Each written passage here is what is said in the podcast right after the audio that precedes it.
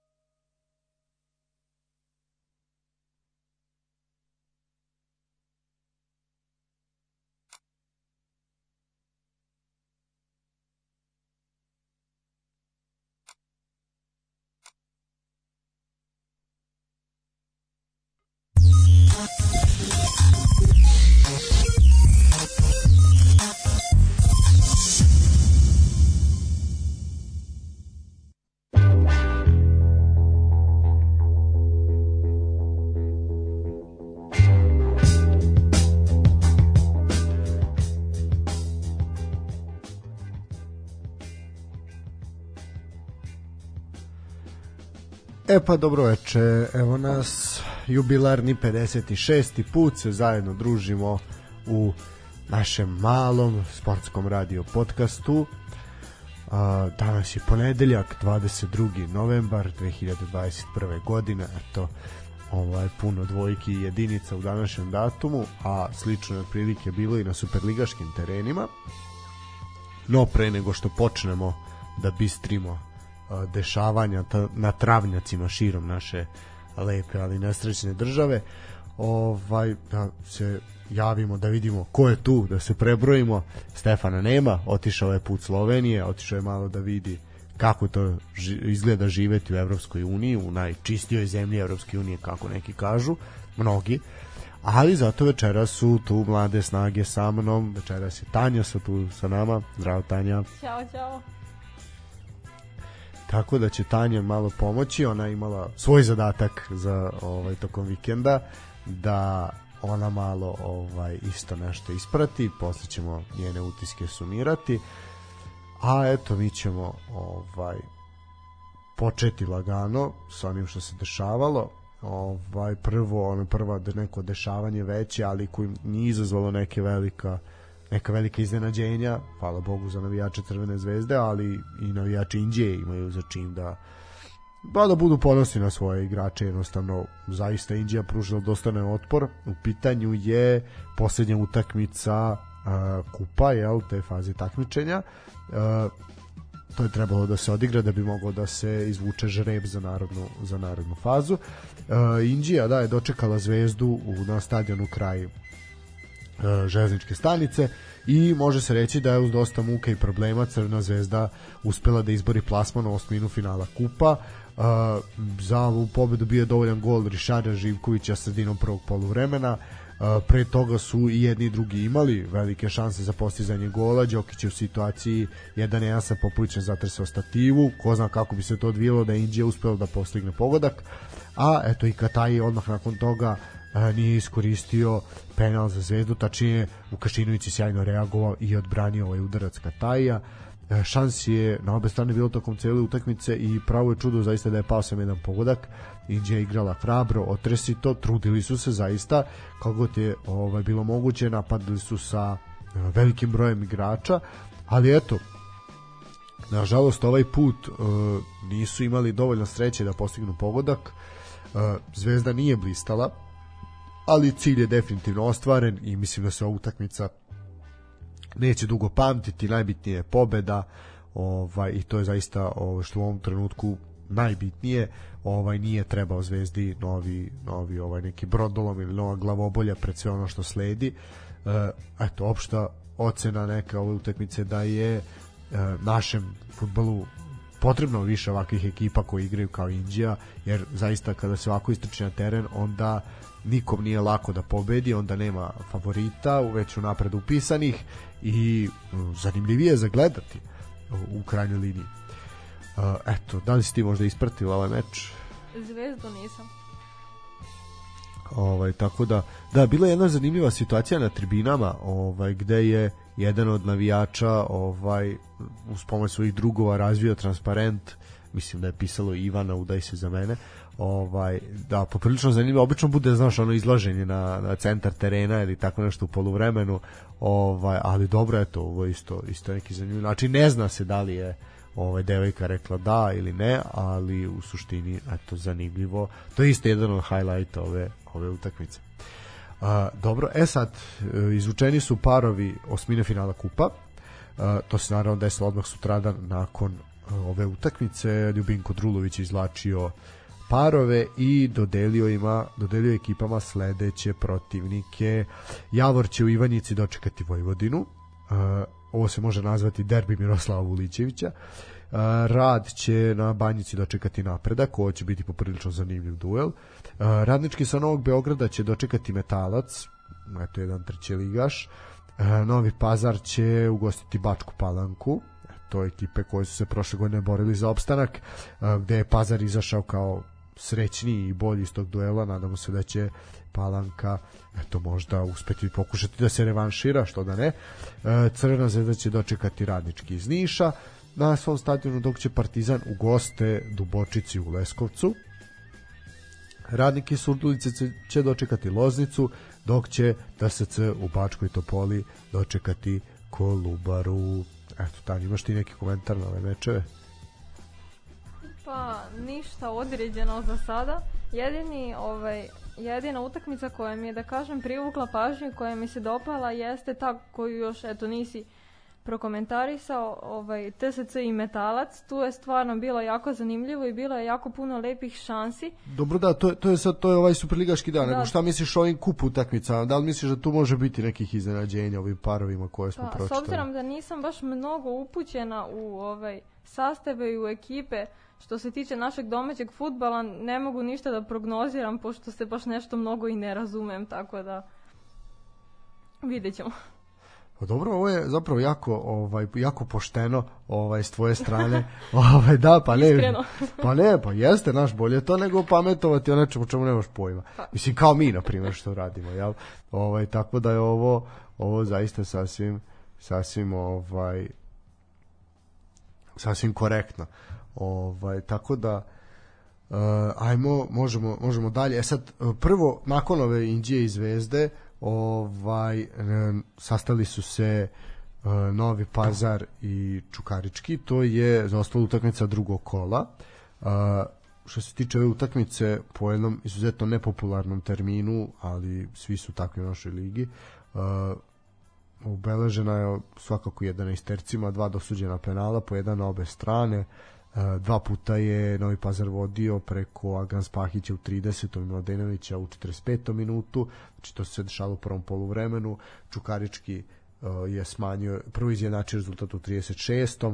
a onda je Asmir Kajević ovaj u 79. sa penala smanj, uh, izjednačio rezultat ponovo na 2-2 Čukarički se vraća u Beograd sa bodom, Pazarci već osam vezanih utakmica ne znaju za pobedu, ovo im je četvrti uzastopni remi i Čukarički ovim bodom ostao na trećem mestu, a pobegao je Vojvodini na četiri boda razlike. Što se tiče ovog meča, poprilično zanimljiv, zanimljiv duel, bilo je onako vatre na terenu i vredelo je pogledati, opet poprilična šteta za taj termin koji je takav kakav je bio, ovaj jednostavno nepristupačan i nepopularan radni dan od 15 časova, ali dobro, šta sad, šta je tu, je, to smo već negde donekle i navikli, ne možemo da se pomerimo, pomirimo sa tim, ali šta sad, šta je tu je. E, da, sad onda idemo na tu ovaj utakmicu koju si ti spomenula, to je Trste Metalac, to je svakako jedna od najzanimljivijih utakmica ovog kola.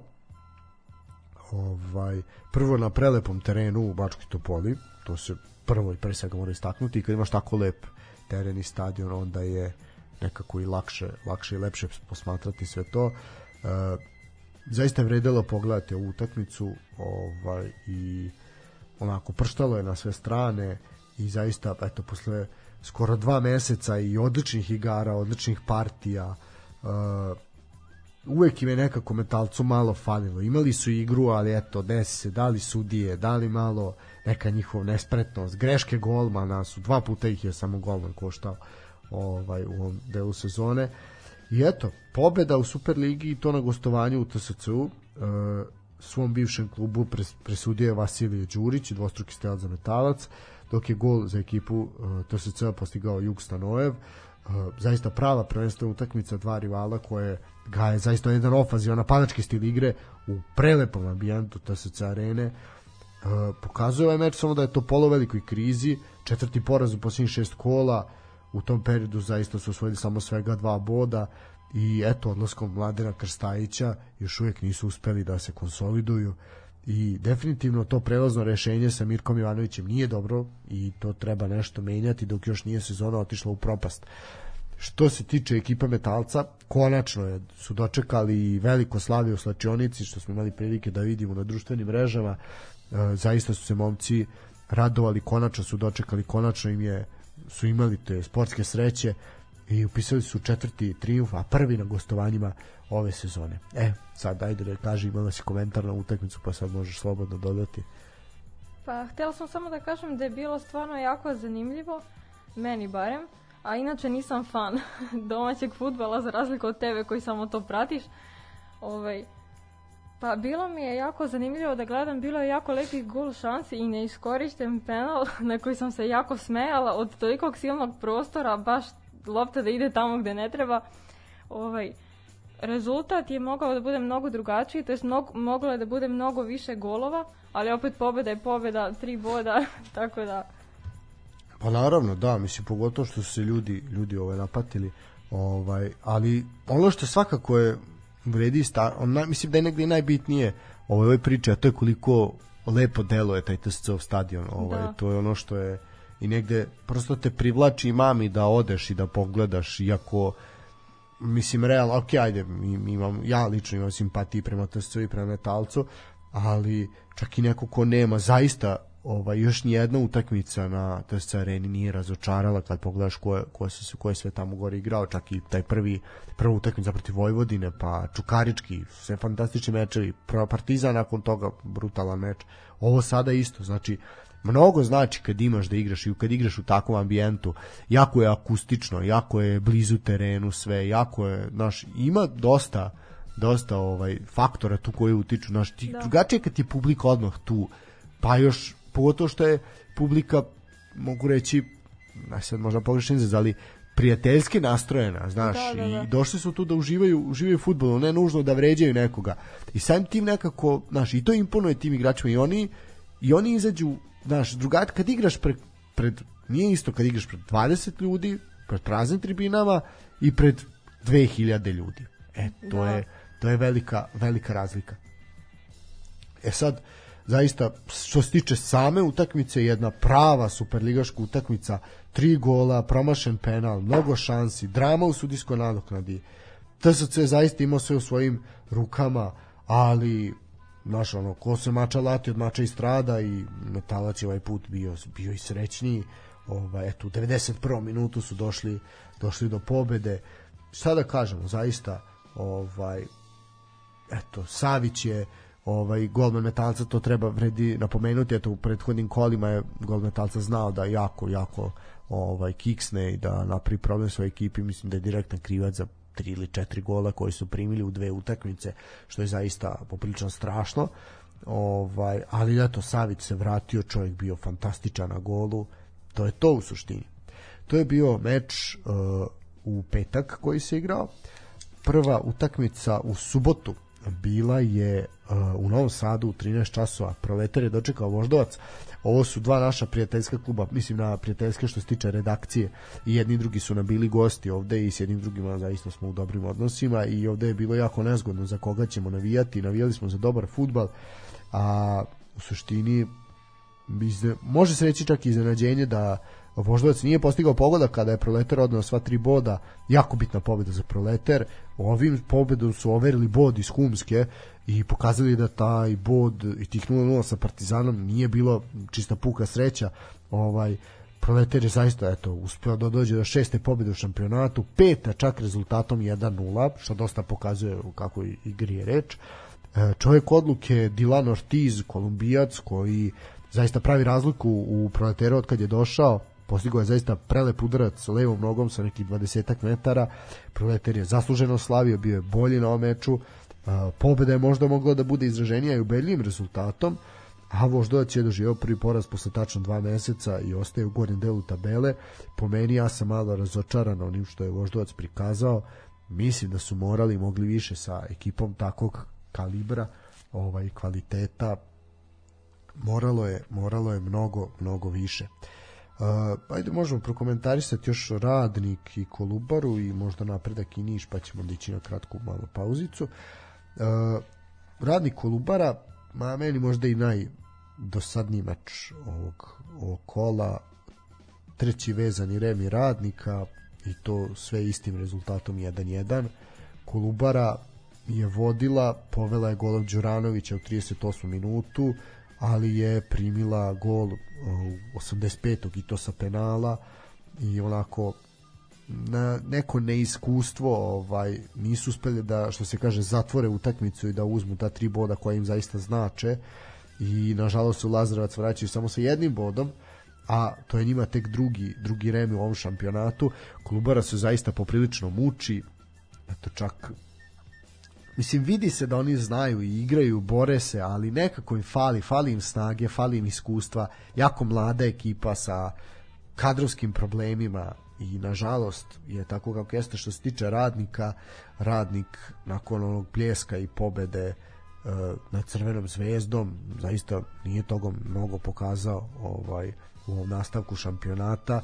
Prvi deo zaista su krenuli silovito, onako podsjetili na onu prošlu sezonu koja je bila zaista najuspešnija u istoriji kluba ali eto, nažalost, nažalost sada, sada se muče i uglavnom vade kestenje iz vatre. Uh, što se tiče napretka i radničkog iz Niša, ovo je jedan veliki, veliki derbi. Ovaj, mislim da je ovo bilo 49. put su se sastali jedni i drugi ako sam pogrešio, izvinite. Uh, dobar, dobra utakmica na ušminkanom stadionu mladosti u Kruševcu otvorena, dinamična, dobra utakmica. Oba tima su zaista išla na pobedu, bilo je solidan broj publike na tribinama, lepo vreme, uh, ali eto, zadovoljit će se podelom plena, napredak uh, do nedavno je bio jedina ekipa zaista bez nerešenog rezultata, a eto u posljednjih pet kola ovo je treći nerešen rezultat, a Radnički ostvario šest po, a, šesti remi u sezoni, od kojih je to pet na gostovanjima. I da kažemo su na kratko prekinuli taj jedan lep niz pobeda koji su imali, ali dobro, ovaj mislim da Radoslav Batak može biti ovaj zaista i zadovoljan i srećan da su imali eto nakon dve vezane pobede sada drugi drugi remi poprilično poprilično mogu biti mogu biti zadovoljni jer su se zaista uzdigli na, na samoj lestvici. E dobro. Uh, predlažem jednu pesmicu pa ćemo onda pričati o najzanimljivijim utakmicama ovog kola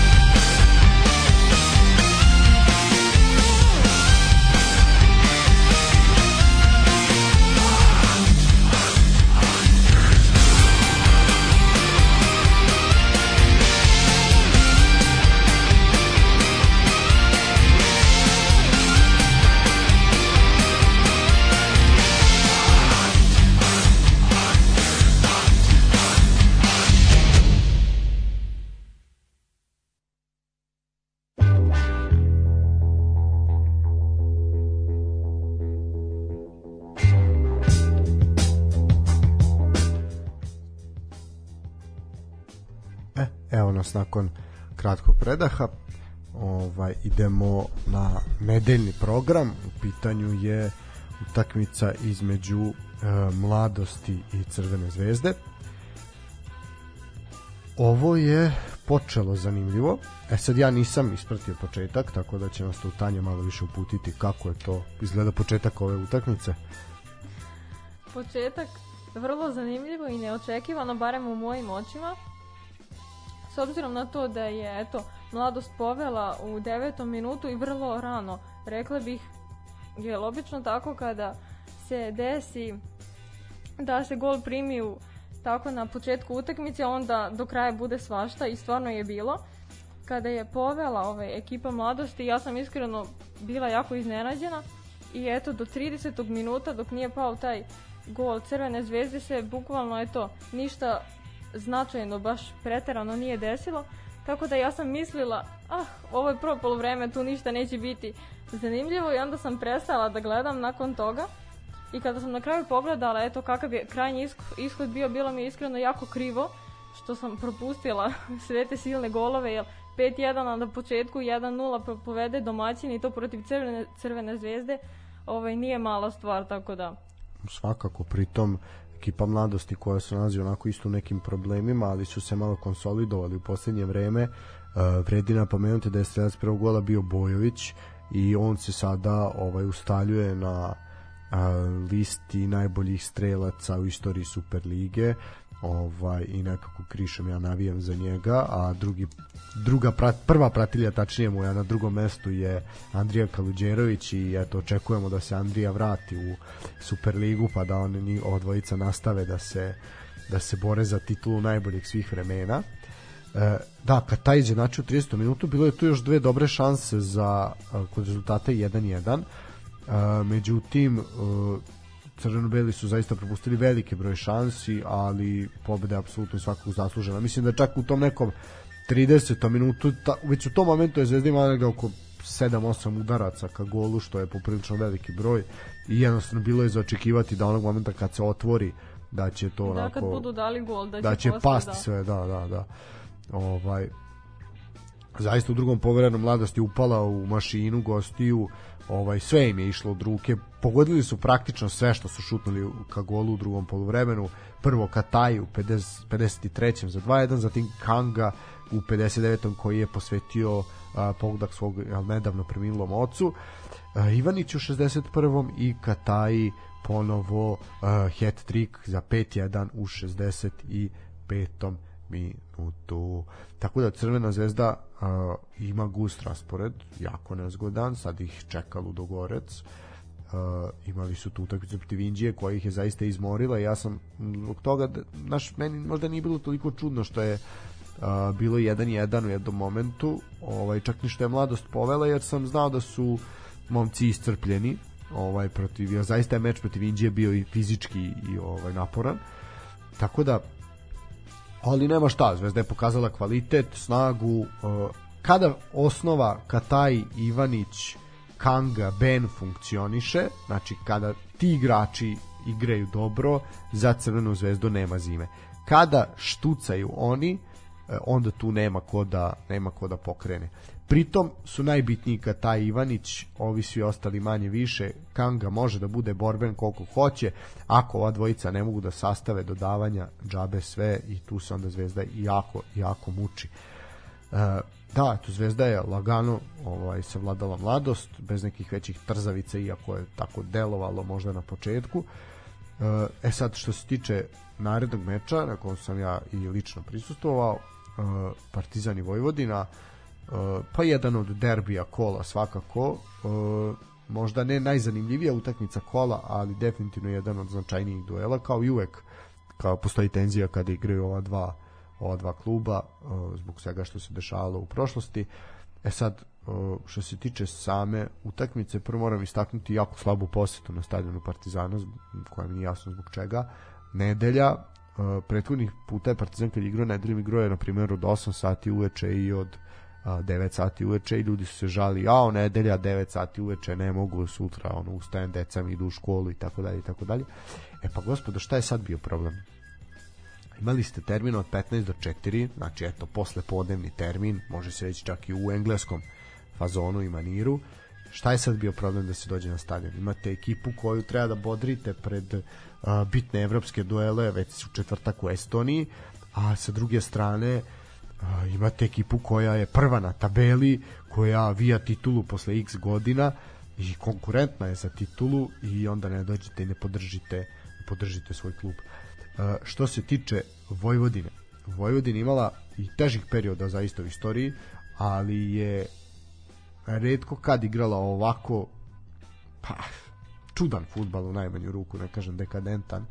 Uh, Đorđević se odlučio da igra bez špica, uh, ali slična, slična postavka igre kao protiv Crvene zvezde u prvom kolu kada je Vojvodina izvukla 0-0. Uh, došli su da se brane i bilo je jasno da onog momenta kada prime gol da će se tu sve raspasti.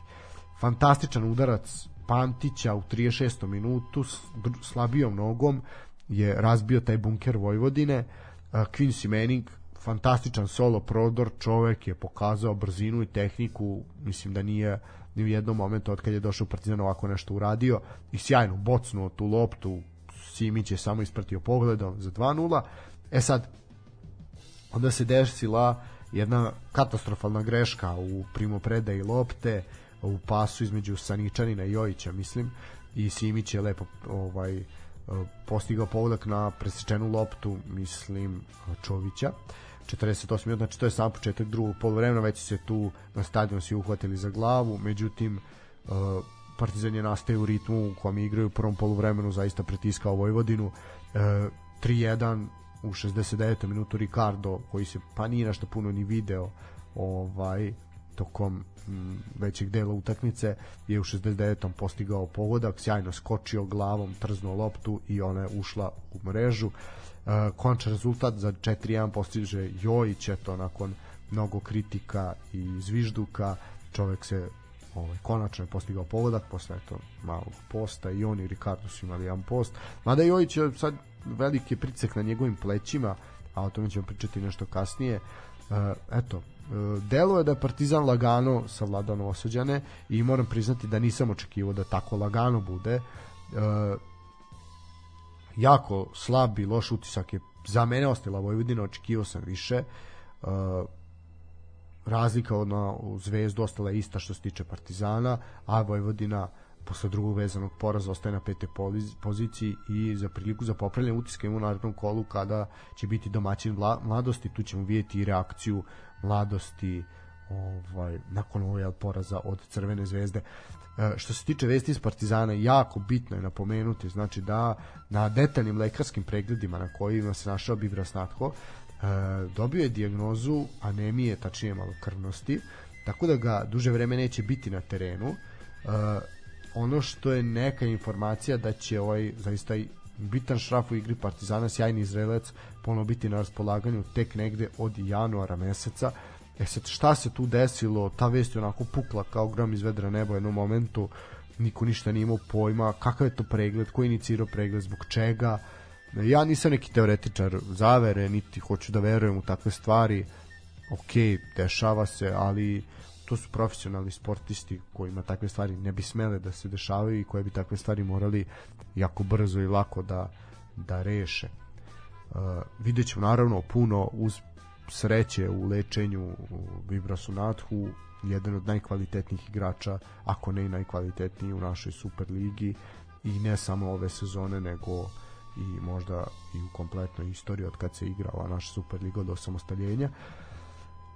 Uh, to je manje više to, treba reći i napomenuti da je Mihajlo Ilić mladi centralni bek Partizana koji je u junu postao punoletan, debitovao za Partizan, Ilić je visok 192 cm, zaista onako jedan gorostas i u tekućoj sezoni omladinske lige odigrao je 11 mečeva, postigao je dva gola, eto dočekao je i svojih 5 minuta za seniorsku ekipu na stadionu Partizana protiv Vojvodine. Eto, u suštini, što se tiče večitih, jedni i drugi su lagano obavili posao, trka za titulu se nastavlja, vidjet ćemo ko će prvi doći do cilja, a za sad naravno očekuju ih još sad evropski dueli. E sad Zvezda dočekuje Ludogorec pred praznim tribinama, Partizan će u hladnu Estoniju i šta možemo očekivati od Zvezde i Ludogoreca? Šta ćeš ti, svakog znam da ćeš pratiti utakmicu, tako me zanima i šta ćeš šta očekuješ od momaka u crveno-belom? Pa ja se nadam iskreno da će ovaj pokazati kvalitet. Ja se naravno nadam, pošto sam Delija, jel, ja se nadam da će Zvezda uspeti da ih savlada, ali ne znam, ne očekujem sad da će biti, na primjer, pet golova kao što je palo protiv mladosti, ali nadam se nekom solidnom rezultatu i naravno pobjedi. Pa bitna je pobeda, mislim, ako se ovde ne ostvari dobar rezultat, onda vijate u posljednju utakmicu protiv Brage, što zaista nije dobro, jel? Pogotovo ići tamo njima na noge, Da, da. poprilično nezgodno. Nije ni njihov teren opet. Vidjet ćemo, da, mislim, mora, mora Zvezda ići na pobedu, tu nema, nema nikakve priče. Ali ja mislim da je Zvezda mnogo kvalitetnija ekipa od Da Ludogoreca. mogu oni to. Pa naravno. Pobeđivali su i teže. naravno, pa naravno. A i gubili od slabijih, Pa tako dobro, da, da. tako da sve, naravno, ali mislim da je za očekivati da se da se ovo reši na najbolji mogući način. E sad što se tiče Partizana, Partizan kao što sam rekao u četvrtak igra u Estoniji protiv Flore i Stalina. E, dosta naših ljudi je otišlo put Estonije, tako da će Partizan tamo imati podršku. Šta da kažemo, šta očekivati? Pa ja očekujem da Partizan pobedi, mora pobediti tu Floru, mada Uh, mislim da neće to biti tako rutinski kao što je bilo u Beogradu, tad mi se čini da Flora baš nije izašla nešto posebno da igra, nego više da se brani, a sada na svom terenu će biti definitivno drugačije. Uh, vidjet ćemo, poprilično zanimljiv, zanimljivo ovaj evropsko veče nas očekuje i za jedne i za druge ono neke prognoze su svakako pa moraju jedni drugi ići na pobedu sad nisu pobedili ovaj tačnije ovaj Zvezda je napravila taj problem koji jeste sama sebi Partizan peh, dalje mogao više protiv Genta ili nije sad nije toliko ni bitno ali u suštini ovaj moraju moraju pobediti i moraju jer ovim pobedama se sad onda definitivno stavlja tačka na tu priču o proleću u Evropi. E, dobro, to je u suštini to što se tiče večitih. Možemo na poslednju utakmicu ovog kola i definitivno utakmicu za infarkt. Uh, Spartak i Radnički iz Kragujevca u Subotici, vetrovitoj Subotici ovog nedeljnog popodneva. Spartak je na pola minuta pred kraj utakmice bio, ovaj, znači samo 30 sekundi ga je delilo četvrte vezane pobede koja bi ga dovela na četvrto mesto na tabeli, ali jedan bod ipak odlazi u Kar Kragujevac, uh, oba povodka viđena su posljednjih 20 minuta, prvi nakon VAR intervencije kada je dosuđen penal za domaćina koji je gol pretvorio Srećković a Kragujevčani su do boda stigli u 93. minutu kada je Damjanac na efektan način iskoristio asistenciju glavom Trifunovića radnički je to osvajanjem boda prekinuo seriju od čak šest poraza, ali posle ovog kola i dalje je napred poslednjem mestu. Tako da eto, šok terapija u Kragujevcu je uspešno završena. Kiza Milinković je na debi uspeo da osvoji uh, prve bodove. Uh, to je još prvo su prvi bodovi za radnički još od 22. septembra i pobede nad Novim pazarom prekinuta, eto, kao što smo rekli, serija od šest vezanih poraza, sedam ako se računa i kup, pa se čini ovaj, eto da ako se po jutru dan poznaje, treba bi radnički da počne polako da sakuplja bodove. E, u suštini Spartak je propustio je priliku skoči na četvrto mesto, ostali su šesti sa istim bodovnim saldom koliko ima i Vojvodina. E, hoćemo kratko pretrčati tabelu, pa ćemo pustiti pesmu. Može? Može. Može. E sad, što se tiče tabele nakon ovoga kola, hoćemo krenuti od dole ili od gore? Od gore. od gore, dobro. Znači ovako, uh, nakon ovog 17. kola, uh, prvi je Partizan sa 15 pobjeda, 2 nerešena, 47 bodova. Utakmicu manje ima Crvena zvezda, koja će tu utakmicu morati da nadoknadi, vidjet ćemo kada. E, Crvena zvezda ima 13 pobjeda, 2 nerešeni, 1 poraz, 41 boda, eto, znači utakmica manje i 6 bodova razlike. Čukarički 17 uh, bod, 700 odigranih utakmica 28 bodova, četvrti je napredak sa 24 boda i sad tu od napretka pa nadalje imamo jako puno ekipa koje su na bod ili dva. Znači Vojvodina je peta do duše sa utakmicom manje i 23 boda Spartak je šesti sa 17 utakmica i 23 boda TSC iz Bačke Topole je sa 16 utakmica i 22 boda na sedmom mestu osmi je Voždovac koji će svakako plakati za prosutim bodovima u Novom Sadu, 16 utakmica, 22 boda, znači to su sve ekipe koje su na dva boda. A na dva boda je ekipa prva koja se nalazi u play-outu, znači deveti je radnički iz Niša sa 17 utakmica i 22 boda. Zaista su se popele Nišli, eto, nakon četiri vez, četiri vezane utakmice bez poraza, a iste četiri vezane utakmice su skupili čak uh, 8 bodova. Uh, Proleter je deseti sa 17 utakmica 21 bodom, eto i Proleter svakako jedna pobjeda kad deli od ulaska od play, u play-off zonu. E sad tu prvi, prva ekipa koja treba malo više bodova i malo više vezanih rezultata, a to je 11. mladost sa utakmicom manje i 17 bodova. Kolubara ima svih 17 utakmica i isto toliko bodova na 12. mestu. 13. je radnik iz Surdulice sa 16 odigranih utakmica i 16 bodova, koliko ima i metalac, znači 17 utakmica, 16 bodova, radnički iz Kragujevca je 15 sa svih u- 17 odigranih utakmica i isto toliko bodova, znači 15 bodova kao i na kojoj poziciji se nalaze, a 16 je Novi Pazar koji ima pet vezanih remija, ovaj 17 utakmica i 12 bodova. Znači, jako je izjednačeno sve. Znači, imate ekipe koje se bore za opstanak pod znacima navoda od 11. do 15. mesta koje se nalaze u dva boda, a od četvrtog do kao što sam rekao, desetog mesta su ekipe koje su na tri boda. Nešto sigurnije Čukarički, a Crna, iz, Crna zvezda i Partizan su prilike kao Hamilton i Max Verstappen vijaju jedni druge i u nekom svom svetu se nalaze zanimljiva, ovaj zanimljiva svakako sezona, mnogi tuku mnoge i puno nekih neočekivanih rezultata ima. Nije bilo nekog velikog iznenađenja ovo kolo, moram priznati. E to si možda pa da li taj proletar se može okarakterisati kao iznenađenje kola mislim ovo, ja ovaj metalac ne bih okarakterisao kao neko veliko iznenađenje, jer metalac zaista igra odlično ovaj, i onaj ko je gledao i pratio očekivao je dobru partiju u Topoli da li pobedu ili ne, ali definitivno nije očekivao laganu pobedu ili lagani posao za TSC koji kažem je zaista u krizi TSC, eto, od kako je otišao Mladen Krstajić, ne zna za pobedu, imao je samo dva nerešena rezultata. Što se tiče Mladena Krstajića, njemu je ponuđen posao, kako pišu naši mediji, da preuzme reprezentaciju Orlova, ali ne naših Orlova, nego nigerijskih. Tako da, eto, jedna ozbiljna reprezentacija na afričkom kontinentu, koja je osvajala čak i neke medalje, što na olimpijadama, što na ovaj afričkom kupu nacija. Tako da, zanimljivo, zanimljivo moram priznati i vidjet ćemo da li će to biti zvanično, neće biti. Ovaj, do snimanja ove emisije vest nije bila zvanična. Ali eto, vidjet ćemo. Puno sreće Mladenu Krstajiću, pa što da ne. E,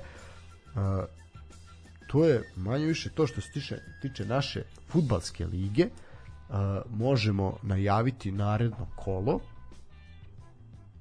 pa ćemo se bacati na ostale terene. E, ovako, e, što se tiče naše kola, e sad, ja ću opet tradicionalno ovaj prognozirati. Tanja, da li želiš da mi se pridružiš? To neće imati neki efekat. Ja mogu samo da lupim. Dobro. Dobro, ništa bolje da dete ne navlačimo na ovo, na kocku. Mada ovo nije kocka, mi ovo zovemo humanitarni tiket, mada još uvijek nismo nikom pomogli. No nije ni bitno. E sad ovako, šta je sad ovde zanimljivo? Imaćemo dve odložene utakmice. Prva uh, utakmica deseto kola između Radnika i Bačke Topole uh, će se igrati od 15 časova 24. što mu dođe sreda, je tako? Da. Znači sreda. U sredu od 15 časova. U sred srede kad mu vreme nije na Surduličkoj bombonjeri uh, TSC dolazi. Ja ovde očekujem dobru utakmicu. TSC mora da proradi. Uh, prognoza oba tima daju gol. Mladost Vojvodina je utakmi, zaostala utakmica trećeg kola. Evo, ovo se dešava kad puno pričaš. Za zaostala utakmica trećeg kola od 14.30 još jedan kretenski termin arene ovaj, zaista ono, ne, neverovatno znači, ali dobro dolazi Vojvodina u Lučane uh, mislim da će ovde biti isto golova pa isto će staviti gol gol biće, biće zanimljivo možda Bojović zatrese protiv bivšeg kluba e sad regularno 18. kolo počinje 27. 11 od 13 časova, znači u subotu od 13 časova će e, kolo otvoriti radnički iz Kragujevca i napredak. E sad što se tog utak, te utakmice tiče, pa ajde rećemo će oba tima dati po gol. Mislim da ovde će napredak doći svakako po veći deo plena, ali radnički će se grčevito boriti da uzme makar nešto za opstanak jer im je zaista potrebno i mislim da će imati i solidnu podršku sa tribina. Druga utakmica subotnjeg dana je od 17 časova kada Metalac u Gornjem Milovcu dočekuje Čukarički. Ovo će biti poprilično zanimljiv duel i ovo je svakako moj predlog da se pogleda, jer ovde može biti dobrog futbala i bit će ga sigurno, a ja se nadam da će oni opravdati naše poverenje i da će ovaj začiniti sa više od tri pogotka. Tako da svakako očekujemo da je dobar futbal i ovo vredi gledati, ovo vredi otići i pogledati, ovo vredi gledati preko malih ekrana ako niste u prilici da odete. U nedelju od 13 časova Kolubara dočekuje TSC iz Bačke Topole. Uh, ovo je hm, drugo vezano gostovanje Topole nakon ovog radnika, znači to je i druga utakmica u par dana. Biće jako teško, ali ali mora mora Topola ma, do bodova kako zna i ume znači x2. Dalje imamo od 16.30 na krovu tržnog centra imamo Voždovac i Partizan. I što je jedan zanimljiv duel. Žao mi je što je Voždovac deluje da je malom padu forme ali možda su oni mislima već bili okrenuti Partizanu. Vidjet ćemo. Uh, što se tiče ovog duela Partizan dolazi nakon uh, utakmice sa Florom i Stalina to isto šta će biti vidjet ćemo. Tako da ovde prognozirati je zaista nezgodno ali ja bih rekao da će ovde isto oba tima postići po pogodak. Uh, od 18.45 Crvena zvezda na svom stadionu dočekuje Spartak i Subotice. Pa je ovo može biti efikasan meč i za jedne i za druge. Uh, obično je tako kad igraju ove dve ekipe, obično pada jako puno golova. Ja ću to i napisati, napisat ću 3+. Plus. Neće Spartak doći da se brani, ali vidjet ćemo koliko može da uradi. Da li može da iskoristi umor igrača Crvene zvezde. Što se tiče ponedeljka, ali što je ovo jako zanimljivo, radnički iz Niša će dočekati radnik iz Surdulice, i tu će Nišlije ići na bodove, moraju, znači KCX ćemo pisati. Ja se nadam da ovo neće biti futbalska uspavanka, ali sve mi deluje vuče na to, tako da ovo baš i nije neka preporuka za gledanje, ali ajde, možda me razuvere. Od 15 časova u ponedeljak Novi Pazar dočekuje proletar. E, ovde može biti svega i bilo je svega u prethodnim susretima. Bilo je ludačkih rezultata, golova, evro golova, Znači zaista dobra, dobra utakmica se očekuje. Opet velika šteta što se utakmica u Pazaru igra od 15 časova radnim danom. Zaista nije u redu prema ovaj fudbalskom gradu kakav jeste Novi Pazar i zaista ti ljudi žive za taj klub i onda ovako lošim, lošim odabirom termina ljudi ne mogu da prisustvuju utakmicama voljenog kluba. E, kolo zatvaraju uh, u ponedeljak od 17 časova, znači to je taman će se završiti pred početak naše emisije Vojvodina i Mladost. Eto, odigraće susret 25. i onda samo 4 dana kasnije ponovo samo će zameniti domaćinstva uh, Vojvodina će dočekati mladost i ja verujem da će Vojvodina ovde na svom terenu uzeti uzeti ceo plen znači ovdje napišem Kec, a Novi Pazar i Proletar nisam rekao, ali ovde isto očekujem Kec X na Novi Pazar. Eto, u suštini, to je to, kratko smo pretečali, pa kratko, 45 minuta, pretečali smo ovaj Super ligu. E, možemo ići na na pauzicu, pa ćemo onda ovaj pričati o ABA ligi, malo rukometa, malo odbojke, onako biće poprilično poprilično šareno ništa, ajmo na pjesmicu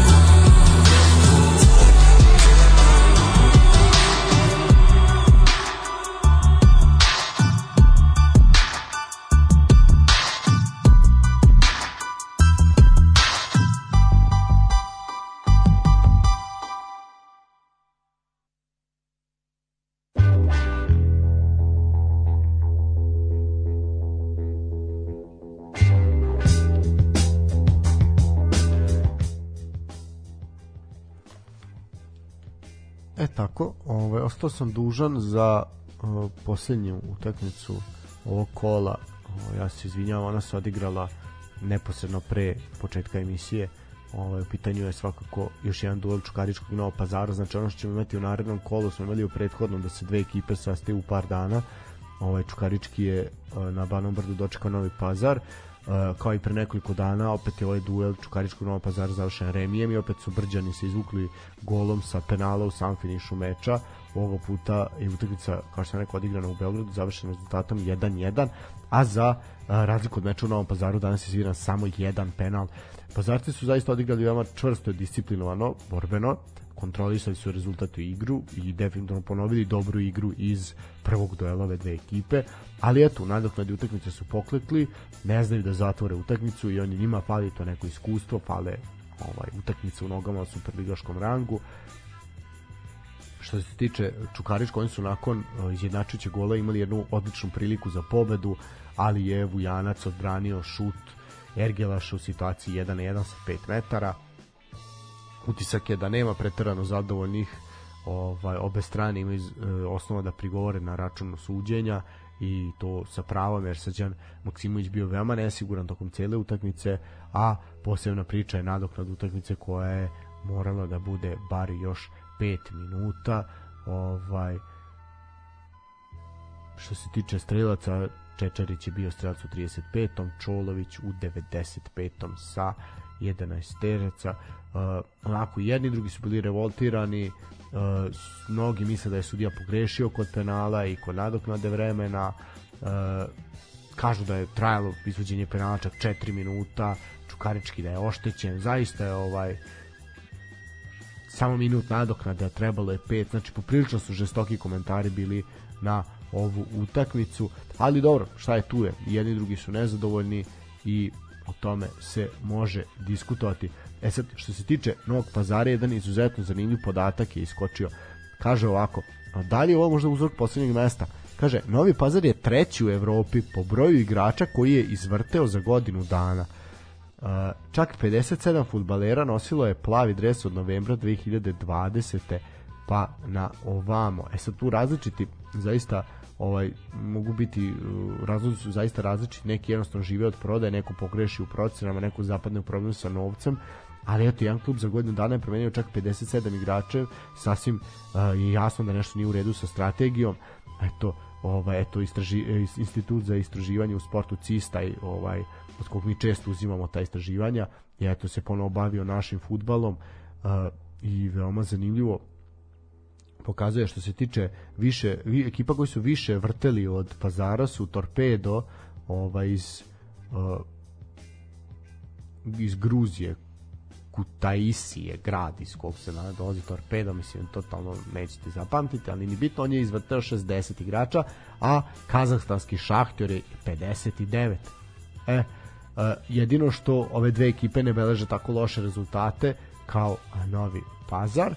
E sad, što se tiče, imaju onih naravno koji imaju poverenje u svoje igrača, a to je finski Inter Turku, koji je promenio samo 21 uh, futbalera, dok u ligama petice najmanje promene imao Manchester City i West Hamu koji su men- promenili samo po 25 futbalera. Tu je takođe bio i šampion Španije Atletico, te prvak Evrope Chelsea, eto, e, Genova je recimo kao klub iz serija e, u e, isto u tom vrhu ona je promenila čak 50 futbalera na terenu. Što se tiče ostalih timova u Superligi 57 rekli smo Novi Pazar 49 Kolubara koja znali o finansijskih problema Mladost 46 Radnički Niš 44 Piladeta 43 Napredak 42 Radnički Kragujevac 42 Čukarički 40 Matalac i Spartak 39 38 TSC 37 Crvena zvezda 36 Partizan 36 Vojvodina 36 Voždovac 34 Radnik iz Surdulice.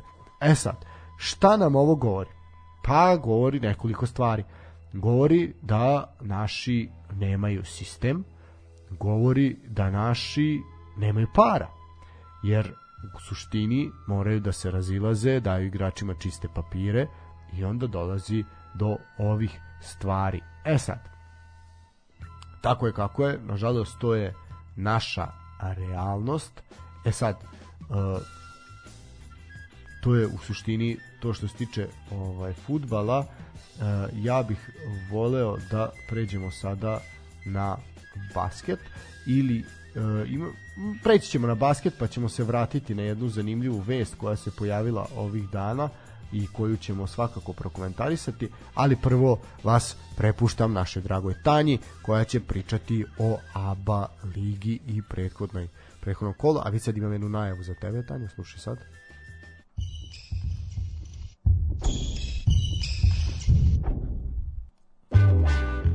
E tako, evo najava za basket posle dugo vremena.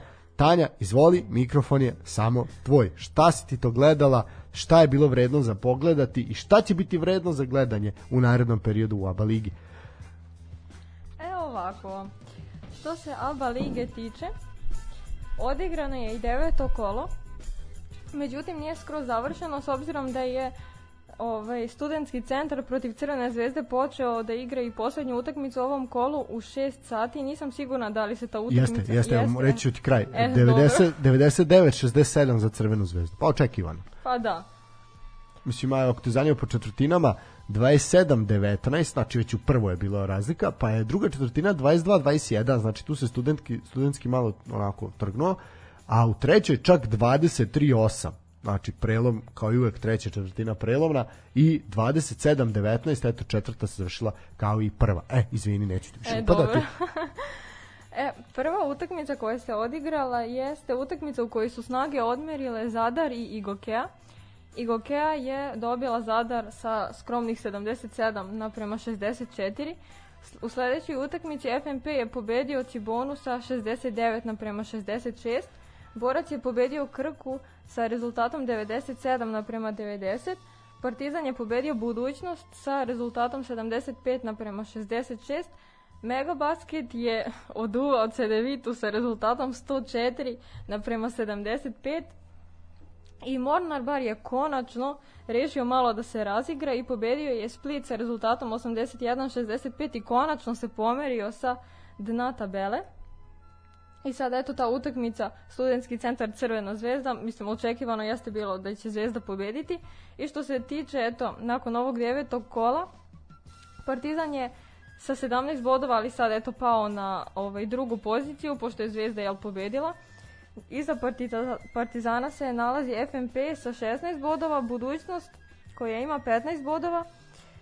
Što se ostalih timova tiče, Cedevita i Cibona i Igokea imaju po 14 bodova, Mega je na poziciji 8 sa 13 bodova, Krka ima 12 bodova kao i studentski centar i Borac, Mornar i Split imaju po 11, a Zadar se sada nalazi na 14. poziciji, odnosno na dnu tabele sa 10 bodova.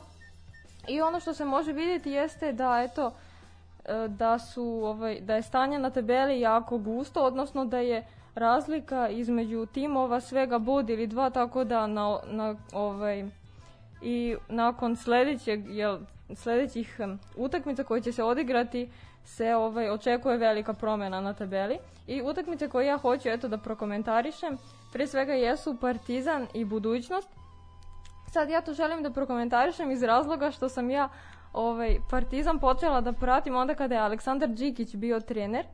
Tako da ja Đikića znam kao ovaj, partizan, ovaj, trenera Partizana, a budućnosti je eto tim čiji je on trenutni trener, pa eto malo da uporedimo ovaj, te dve ekipe.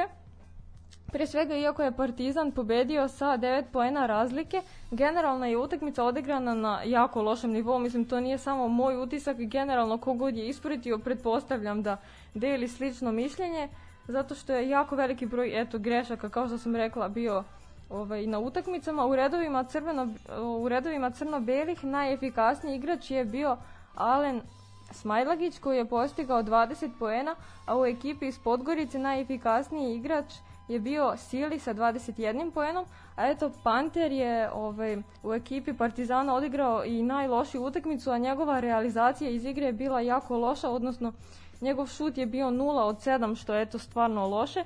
I eto, to je samo dokaz da ovaj, se i najboljima dešava da odigraju loše utakmicu, možda mu eto nije bio dan i bez obzira koliko ste profesionalni, uvek može da se desi da da eto odigrate loše. Partizan je imao mnogo ukradenih lopti, eto što je stvarno plus. Čini mi se ako sam dobro ispratila, do treće ovaj, četvrtine je Partizan imao nekih 10 ukradenih lopti, a od toga polovinu je imao Avramović, a naravno do kraja utakmice se taj broj ukradenih lopti i povećao. Jako je loša realizacija šuta bila za 3 poena sa obe strane. Partizan je ovaj, od 25 šuteva pogodio svega 6, što je stvarno eto ni, ni četvrtina. Budućnost je eto imala malo bolji prosek šuta i dala je 9 trojki od 22. Ekipa Aleksandra Đikića je na momente i uspjela da se približi Partizanu na bod razlike, ali eto ništa više od toga. I dok je ekipa Željka Obradovića ovaj, na moment imala zaista jako dobru odbranu. I to sam također videla ovaj, nakon utakmice i mnogi mediji i sportski, sportske vesti koje su eto pričale malo više o toj utakmici su stvarno nahvalile odbranu Partizana koja jeste bila dobra iako je utakmica generalno bila loša. I ekipa Aleksandra Đikića se trenutno nalazi eto na četvrtom, ovaj, me, odnosno sada već petom mestu s obzirom da je Crvena zvezda sada preuzela ovaj, Vodeće, vodeće mesto na tabeli. da, vodeće mesto na tabeli. Bože, nisam mogla da sedim kako se kaže ta reč, hvala. Pa dobro, da, zato služimo sve. Partizan je trenutno, eto, drugi, kako je Zvezda sada zauzela prvo mesto. A druga utakmica koju eto, čisto malo želim da prokomentarišem jeste utakmica Mega Basket i Cedevita, koja stvarno, mislim, tu nema šta mnogo da se komentariše. Utakmica je završena pobjedom Mege 104 naprema 75, što je stvarno, mislim... 30 pa da. razlike, da. A Mega je opet na nekim, u nekim momentima imala čak i tih plus 30, što je stvarno Da. fantastično. I najefikasniji igrač pobjedničkog tima je bio Matej Rudan, koji je postigao 23 poena, a on je inače i jedan od najmlađih, čini mi se, tu igrača. Tako da odigrao je stvarno jako lepu utakmicu, a u redovima ovaj poraženog tima, odnosno Cedevite Jaka Blažić sa 26 poena i bez obzira što je on bio eto najefikasniji igrač na utakmici, to što se Cedevite tiče nije urodilo plodom. I eto, uraganska pobjeda Mege, nema tu šta da se kaže. Meni je eto jedino drago što sam primetila, pošto jako dugo stvarno nisam pratila ni košarku, ništa nisam pratila, ovaj, što, je, što, sam, što vidim da je Jaka Blažić ovaj, se vratio eto u našu ligu.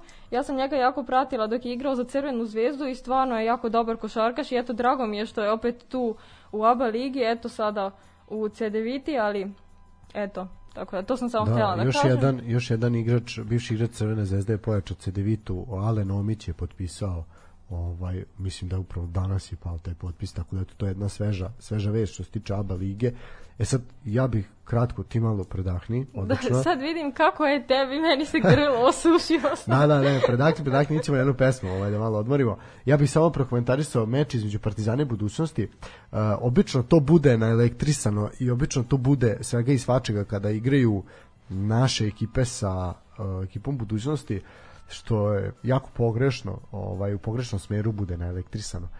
Uh, ali ovaj put moram priznati da to nije bio slučaj uh, fair, sportsko, prijateljsko navijanje, prijateljska atmosfera, što je čak i gospodin Bokan izjavio nakon same utakmice da je prijatno iznenađen dočekom u Beogradu samom atmosferom, znači da je sve bilo zaista na jednom evropskom i svetskom nivou i ovo je pravi primer kako treba da bude, iako je zaista veliki derbi uh, jadranske, a i evropske košarke, jugoslovenske može se reći, ovaj zaista ovako to treba da izgleda i ne treba ne treba da nam navijanje bude puno mržnje kao što je bilo na utakmici Vojvodine, Partizana i Vojvodine u fudbalu gde je bukvalno u prvom minutu krenulo, krenulo problematično ova, i nastavilo se tokom skoro većeg dela utakmice. E, da, i ono što je meni ostalo onako upečatljivo je taj pozdrav Džikića i Željka Obradovića na kraju kada se Aleksandar Džikić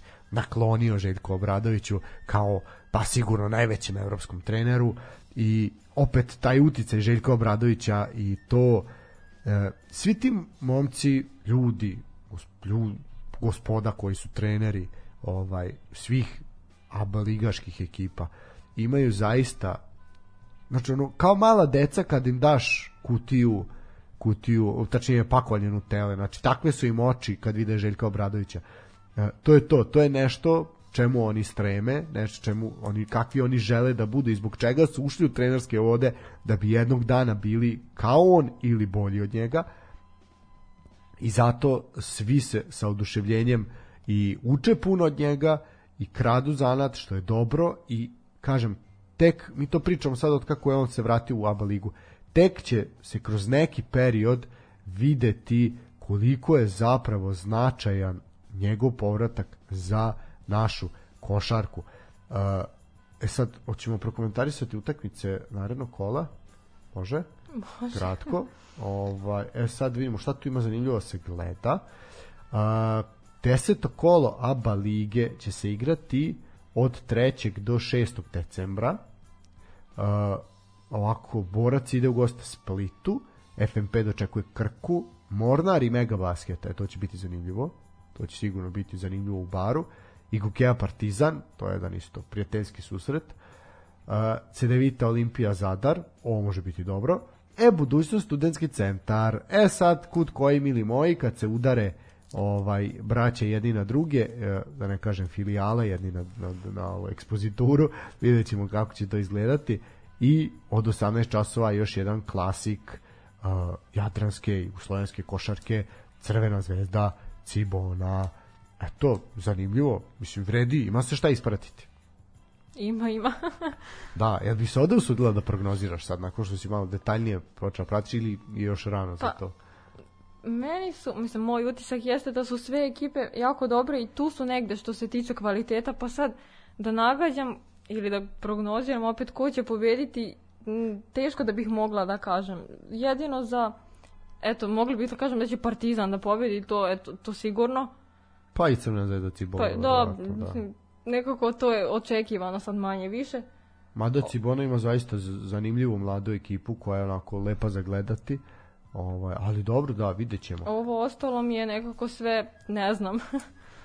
Da, e sad, ovaj, u suštini to je što se tiče uh, ABA lige, što se tiče uh, utakmice u ovim da kažemo uh, evropskim takmičenjima, tu se ide neka reprezentativna pauza, pa će onda Partizan kao smo rekli na goste i Gokej, pa ide uh, Evrokup ovaj, idu na gostovanje ovom Levaliosu koji za koji iskreno budem nema pojma ni odakle su. Ovaj, to su neki francuzi nešto. Da, francuska. Ova, ne, pa vidi, to su takve ekipe za koje niko živi. Niko nije čuo, da. da, mislim, bez veze. No, što se tiče Crvene zvezde, znači, nju smo rekli ima Cibonu, ima verovatno i neki evroligaški duel. Sad ćemo vidjeti samo sa kim tačno. U, da, da, Crvena zvezda će imati dva evroligaška duela do Cibone, imaće domaćinstvo Uniksu iz Kazanja 26. i gostovanje Zenitu u Sankt Petersburgu 3. decembra, tri dana pred Cibonu.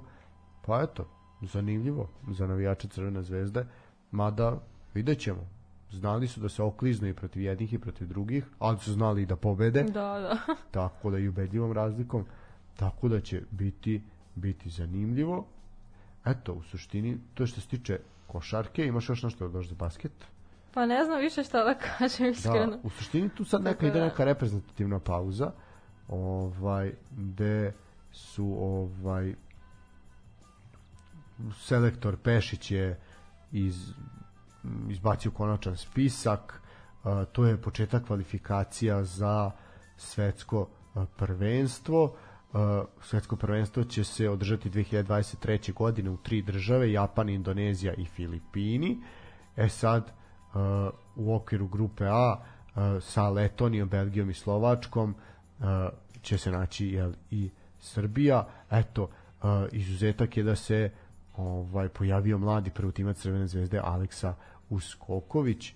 E sad možemo o, pročitati ovaj spisak igrača, znači tu je Miloš Teodosić sa 34 godine ubedljivo najstariji ovde uh, iz, trenutno je igrač Virtusa iz Bolonje, zatim Smajlagić, Avramović, Rade Zagorac, Uroš Trifunović, Dangubić, Koprivica, sve iz Partizana, Da. Jović, Đurišić iz Mege, Jagodić, Kuriđa, Budućnost, Dalibor Ilić i Gokea, Aleksa Radanov i Gokea, Dušan Risić i Jovan Novak Fonle Brada, Dragan Apić iz Jelena e, Gora, Nikola Rebić, Mitel Dojčar, znači šta god, Aleksa Uskoković, Crvena zvezda. E sad, neće moći da se priključe Vasilije Micić, Petrušev, Jaramaz, Nedović, Vanja Marinković, Davidovac, Dobrić i Uskoko.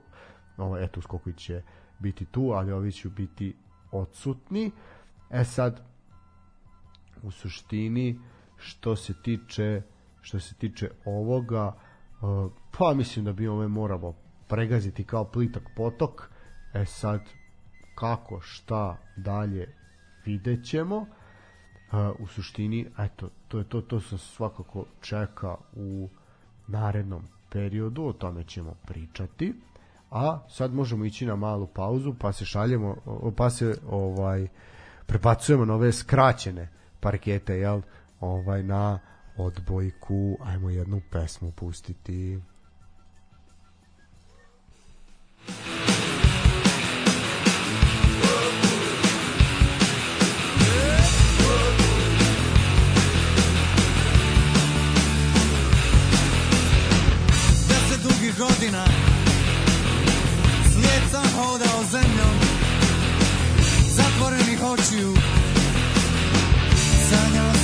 Sretnem Tražio sam te između zvijezda One su bile nijeme Cijelim tijelom sam drhtao te noći I moja zvijezda je pala. Drugovi su mi rekli bježimo noćas Sad je vrijeme na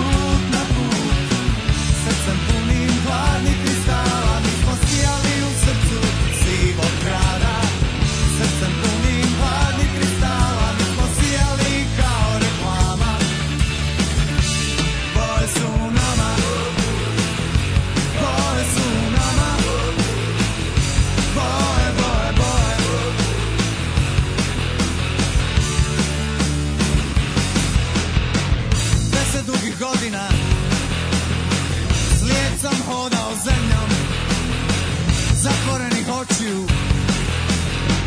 Sanjao sam da te sretnem. Tražio sam te između zvijezda. One su bile nijeme Cijelim tijelom sam drhtao te noći. I moja zvijezda je pala. Drugovi su mi rekli bježimo noćas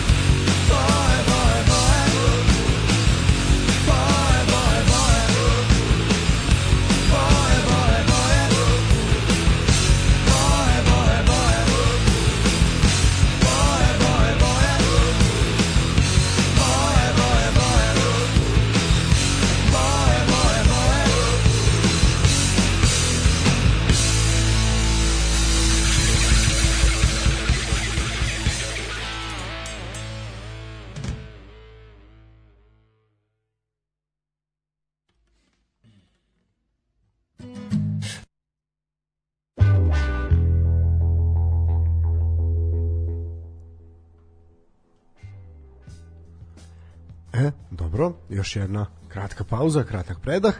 Ovaj, biće ih verovatno ovaj, više u ovoj emisiji, da malo i mi danemo dušom. E sad, uh, odigrana je i uh, naravno kolo u odbojci, ovaj, tako da eto, posle dužeg vremena pričamo i o da kažemo najkraćim terenima u sali ovaj koje pratimo a evo imaš Tanja opet reč i sprovedi nas malo šta se to dešavalo u odbojci zanimljivo ovaj vikend Evo ovako, počet ćemo prvo sa ovaj, Super ligom za muškarce.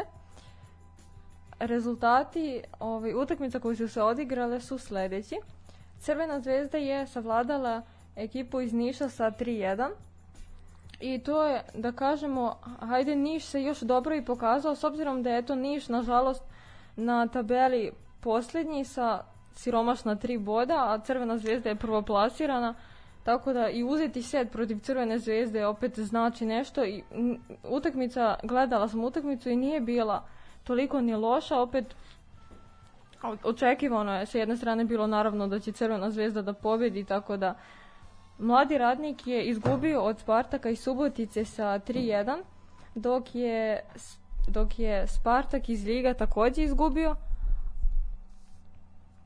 sa rezultatom 3-0 od Partizana, što je opet s jedne strane bilo očekivano i Vojvodina je dobila radnički iz Kragujevca sa 3-1 i možda po mom mišljenju i najzanimljivija utakmica između Ribnice i Metalca Takovo iz Gornjeg Milanovca i rezultat je bio 3-2 za Ribnicu na Mišiće. Utakmica je zaista bila neizvesna do samog kraja i zaista je bila velika borba i želja za pobjedom i u oba tima i eto meni je drago da je Ribnica uspjela da pobedi s obzirom da je meni Ribnica iz Kraljeva uvek bila nekako favorit i najviše sam nju volela. zašto?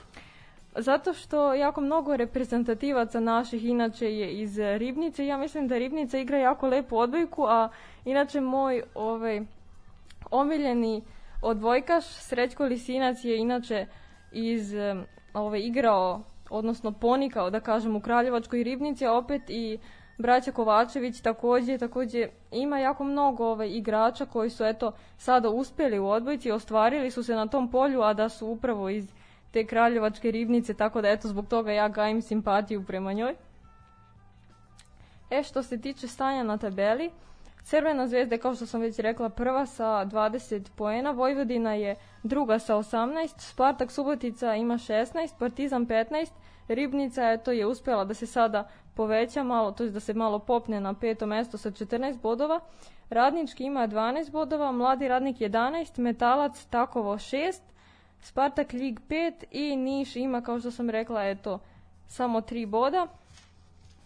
A kada govorimo, eto, o ženama i tu gde imamo i muški i ženski odbojkaški tim, može da se ovaj, kaže da su rezultati sasvim drugačiji, da su klubovi na nekim, da kažem, skroz različitim nivoima.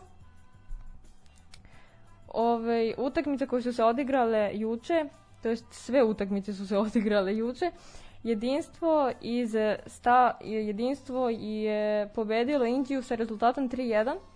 Srem je izgubio eto od Tenta rezultatom 3-2 nažalost. Ub je izgubio od Železničara 3-0 i Železničar je stvarno odigrao jako dobru utakmicu.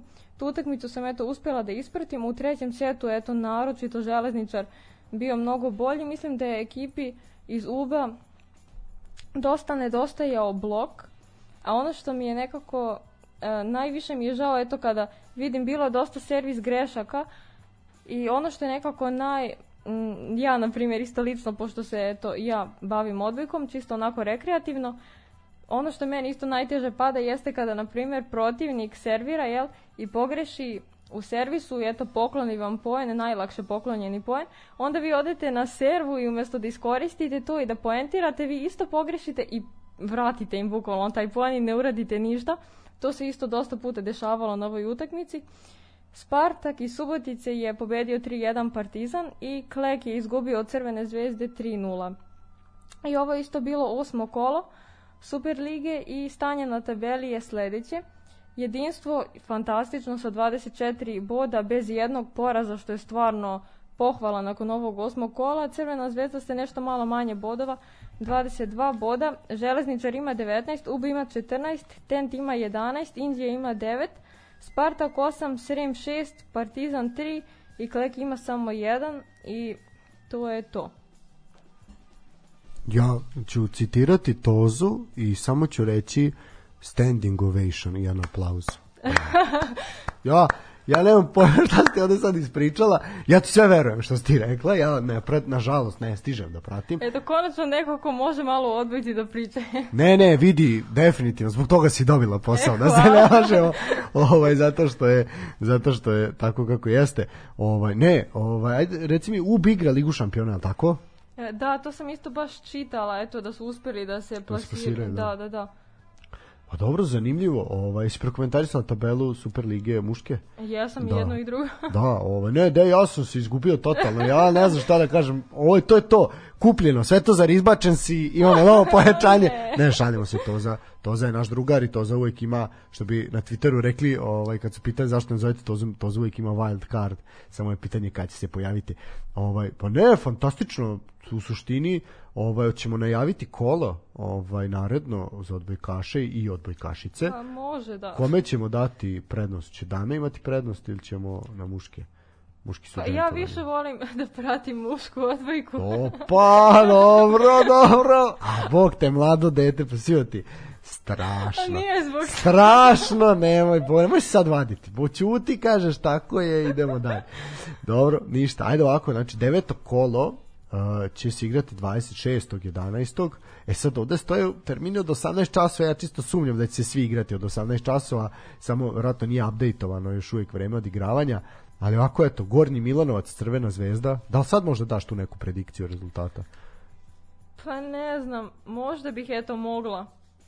Dobro, ajde probaj. Znači tu definitivno Crvena zvezda je najveći favorit. tako? Da, pa kad govorimo o ovaj... Uopšte o Pa ligi. da, jel da, jeste, da. Dobro. I u muškoj i u ženskoj A, konkurenciji a definitivno. Niš i mladi radnik, tu će verovatno, po meni sad koliko ja što im tu je mladi Niš radnik će- treba biti. o, da, Niš će vjerojatno da ih izgubi. Izgubi, da. A, dobro, Partizan radnički. A viš što je može biti Pa, zanimljiva tu. Da, s obzirom da su i na tabele, mislim, razlika je svega 2-3 boda, to je ništa realno. Pa, vidjet ćemo.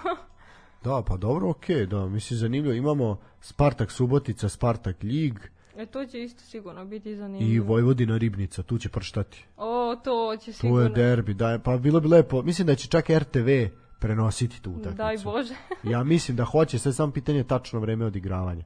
Što se tiče žena, a, za ostalu utakmicu četvrtog kola Tent će igrati protiv Partizana 24.11. od 19 časova. Tu prednost ko ima? Tent, i šta si prvo rekao? Partizan, Tent Partizan, da. Pa, Pa, Tent, Partizan a? je dosta loš, bar za sada. Da, menjali su trenere, tu se svašta nešto da, dešavalo. verovatno da je onda zbog toga, ja sam se isto baš iznenadila kad sam videla nekako da u muškoj konkurenciji Partizan bude na tako visokom nivou, a žene su uvek isto Zvezda i Partizan su uvek... E, ali mogu ti reći sad ovako, Partizan se zapravo jako muči sa ženskom Da, selekcijom. to sam primetila. I bilo je to sklapanje sa vizurom, pa se to Da, onda da, da. odvojilo, pa jedne godine nije, par godina nije bilo, pa i tako dalje, tako dalje. Ali u suštini e, ima jedan podatak da je ženski odbojkaški klub Partizan i najtrofejniji klub u Jugoslaviji bio u ženskoj odbojci, iako dobar niz godina nije uopšte bio u funkciji, znači uopšte nije postojao. Da. Tako da to onako pokazuje malo ovaj Čudan neki čudan, podatak. čudan, da, čudan, čudan podatak. Ovaj a deveto kolo Crvena zvezda Stara Pazova. Pa crvena zvezda. Dobro, okej. Indija, Sremska Mitrovica, Srem. U, ovo je evo zanimljiv lokalni derbi. Srem će goreti. Ovaj kome ovde prednost ide? Pa neka bude, ajde, Indija. Da, ja ću reći Srem, pošto sam ja bio, završio srednju školu u Sremskoj Mitrovici, oni su meni dragi, ovaj, i naravno odbojkašice Srema su uvek bile popularne. Dobro, e sad, e, Partizan Klek Zrenjanin, O, mislim da će... Pa, Klek je dosta dobar. Ja sam imala eto priliku jednom, pošto sam ja oko, iz okoline tamo, Bananski dvor, ovaj, otišla sam jednom na trening devojaka iz Kleka, ali dobro, to su bile mlađe generacije, ali Klek stvarno igra jako dobru odbojku. Ali eto, stanje na tabeli opet kada gledate da igrate u ligi sa eto klubovima iz cijele Srbije opet ima i boljih, ima i loših. Klek stvarno igra jako lepu odbojku. Tako da ja mislim da će možda Klek imati šansu da konačno eto ostvari neku pobjedu. Ajde recimo da ja navijam za Klek. Samo zato što su mi blizu. Da, dobro, pa dobro, okej. Ovaj, e, što dalje imamo? Tent i UB. E, ovde će biti dobro. Ovo će prštati trebalo Da. bi, jel? A, vidjet ćemo dobro, okej. I imamo, na primjer, Železničar i Spartak iz Subotice. I to će sigurno biti dobro. Da, eto, zanimljivo, zanimljivo svakako, eto, dobili smo jednu širinu i zato pratit ćemo sad, pratit ćemo i to. Ovaj, možemo preći kratko i na rukomet, ili imaš još nešto da dodaš ili u suštini Pa to to? nemam ja više, rekla sam ja. Svoje. Svoje, dobro. Nije kraj još, nemoj stani, nećemo još završavati, imamo još vremena. E, ajmo ovako, što se tiče e, rukometa, uh, ova, ja sam to sad malo ispratio, pa ću se ja sad ubaciti, ti možeš malo gutlje vode slobodno. Znači, idemo Arkus Liga, grupa A, ovako. Znači, deseto kolo je ovaj odigrano, i imamo sledeće rezultate. E, Jugović je dočekao metaloplastiku, eto, u seriju derbija koje su potresli ovo malo naselje u okolini Novog Sada, uh, jel, Kać, smijao poznati kao Mala Kolumbija, ovaj, nećemo reći zbog čega, Jugović je dočekao metaloplastiku i sad nakon poraza od Vojvodine i dobro, dobre utakmice i protiv Crvene zvezde i protiv Vojvodine, uh, izgubili su i od metaloplastike, ali ovaj put je bilo jako, jako gusto. 32, 33 uh, gol prednosti samo za metaloplastiku. Eto, jedan odličan, odličan duel, pravi superligaški koji je podsjetio na slavne dane uh, plavih iz Kaća, a i na slavne dane šabačke metaloplastike. Uh, eto, dva osvajača evropskih trofeja našeg rukometa su se sastali u tom kolu. Uh, Vojvodina je dočekala Dinamo iz Pančeva, i bilo je 31-22 Vojvodina pokazala zašto je šampion i potpuno ovaj dominantno savladala ekipu iz Pančeva Uh, Pančevci su Pančevci su pali na treće mesto na tabeli nakon ovog poraza.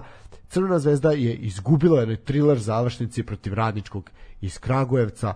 Eto, poprilično poprilično ovaj može se reći čak i neočekivan rezultat i a, Radnički se sada učvrstio ovom pobedom na četvrtoj poziciji, poziciji koja ga vodi u dalje doigravanje uh, play-off, jel? a Crna zvezda sa četiri boda manje od Radničkog ostaje prva ispod crte i ekipa eto koja uh, ima sada problem, ovaj treba da vija, žele u play-off, a nisu imali cilj za cilj taj plasman u play-offu. Uh, što se tiče prvog mesta, Vojvodina obedio prva sa 16 bodova, 8-0-1 je skor pobeda nerešenih i poraza, Metaloplastika druga sa boljom gol razlikom, imaju 12 bodova koliko i Dinamo. To je grupa A. Što se tiče Arkus lige grupe B, Uh, tu je uh, recimo uh, Mokra Gora dočekala uh, Železničar i pobedila ga sa 30-23. Jasno je da će Železničar ove sezone služiti za napucavanje gol razlike, već sada imaju minus 114 gol razliku, što je poprilično, poprilično tužno za ekipu koja se prošle godine borila za titulu. Uh, Partizan je može se reći malo i neočekivano pardon, remizirao drugi put u sezoni protiv uh, Dubočice, jako malo golova Leskovčani su igrali čvrsto odbranu kao i Partizan 21-21 na kraju. Eto drugi je Remi Partizana u sezoni ali Remi koji ga ostavlja na prvo mesto na tabeli sa 18 bodova dok je Dubočica druga sa 17 eto prvi, prvi pratioci Partizana. Proletar je e, izgubio od Rudara u Zrenjaninu protiv, znači bilo je Rudar je pobedio sa 39-31 i Rudar se ovom pobe- pobedom podigao na treće mesto ove grupe B. Što se tiče Spartaka i Šamota, Spartak je pobedio na svom terenu 23 a, 22 a, ekipa iz Aranđelovca je uprkos ovom porazu ostala iznad te linije koja vodi u play-off ali, ali, ali, ali imaju bod manje sada od Rudara koji ih je pretekao i koji se nalazi na trećoj poziciji. Što se tiče ekipe ispod crte, tu su prvi proletar sa 9 bodova, Mokar Gora sa 6, Spartak sa 5 i Železničar, kao što sam rekao, poslednji sa ubedljivo najlošijom gol razlikom sa minus 114, svih Juh. 10 poraza. Reći ćemo da su postigli 239 golova, a primili čak 353 za 10 odigranih utakmica, znači 35 golova po utakmici primaju, što je poprilično poprilično puno. A, dobro, to je što se tiče a, rukometa. A, ajde možemo i tu kratko najaviti. Grupa B naredne utakmice za vikend koje se igraju Spartak Mokra Gora, Šamot Proletar, Rudar Partizan, Dubočica Železničar. Što se tiče one grupe A gde smo malo pre bili, možemo i to prokomentarisati iz narednog kolo. E, u prošlom kolu Slobodan je bio Obilić zbog napuštanja lige od strane Novog pazara, kao što smo pričali već o tome, nažalost, više puta. A u ovom kolu je Slobodna Crvena zvezda, on će malo odmoriti. Obilić će dočekati Jugovića, to je jedan zanimljiv junački derbi.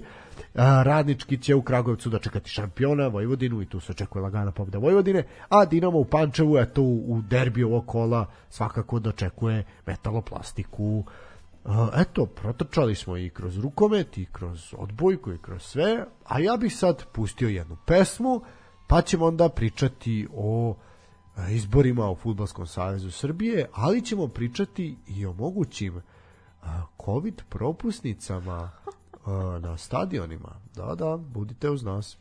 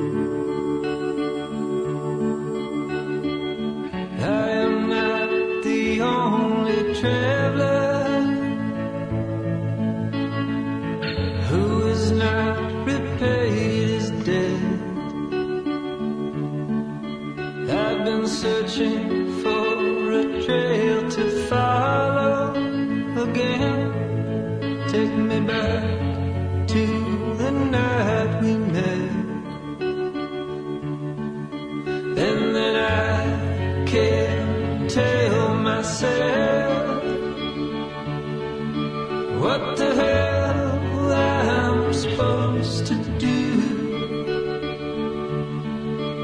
And then I can't tell myself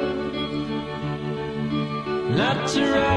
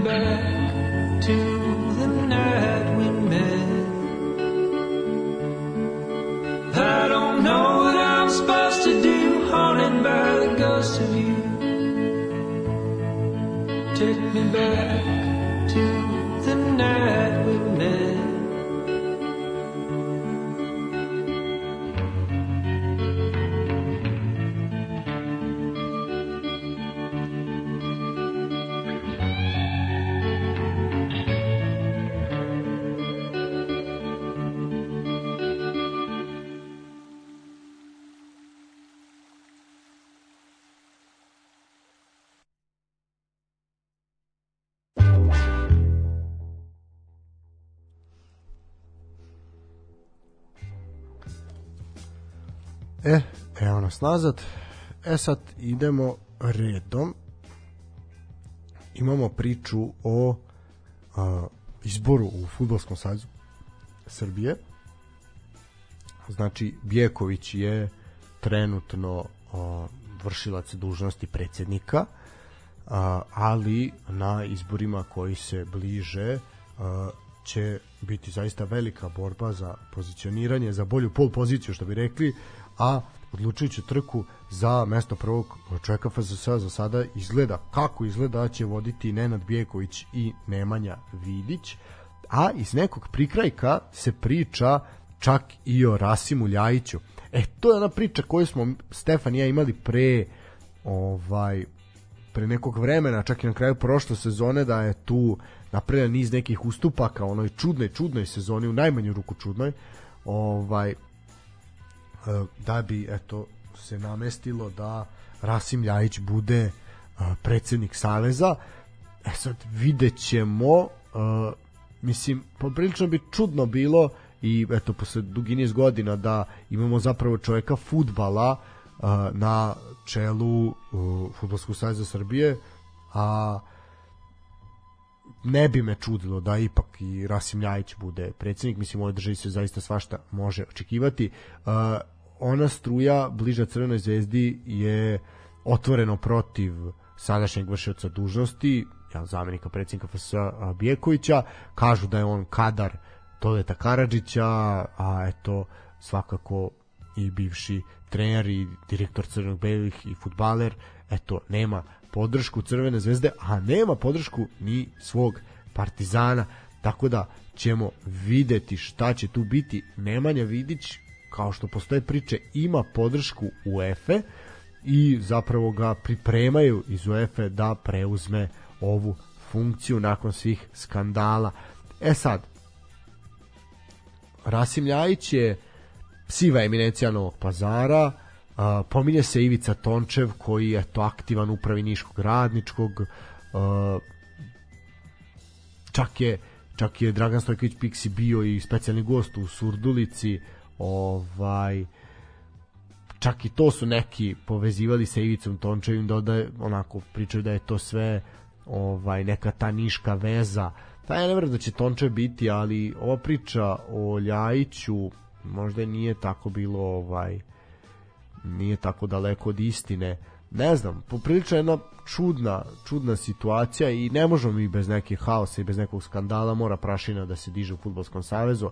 Prošli put kad smo otišli na svetsko prvenstvo to je bilo oko trenera, a sada evo oko predsednika. Vidjet ćemo, eto, izbori su se bliže, pa ćemo vidjeti. Što se tiče glasanja ljudi po ko komentarima, portalima, stranicama, nekako najviše ljudi imaju poverenje u Nemanju Vidića. E sad, ja bih tu razdvojio umetnika od umetničkog dela. Znači, Nemanja Vidić kao futbaler, svaka čast. To sve stoji. Nemanja Vidić kao funkcioner, mi ne znamo na što će to ličiti. Znači, to je poprilično pitanje. S tim da Bijeković ne može ostati predsjednik Saveza jer je to kršenje statuta Futbolskog saveza jer Bijeković ima a, više godina nego što je dozvoljeno da ima predsjednik Futbolskog saveza.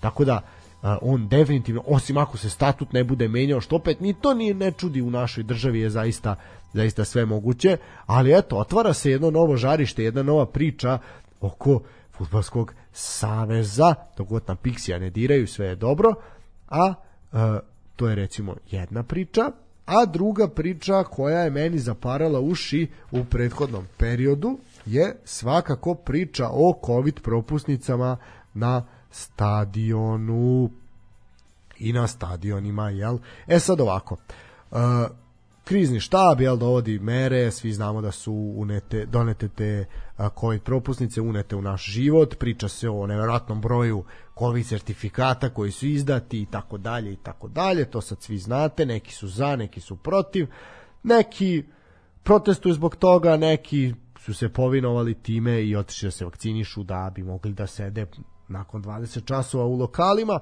a postoje a, priče sve glasnije da će na nekim od narednih sednica, kriznog štaba a, se razmatrati o produžetku vremena važenja COVID pro- propusnica, ali i a, uključivanje i primenjivanje COVID propusnica na sportske događaje i koncerte.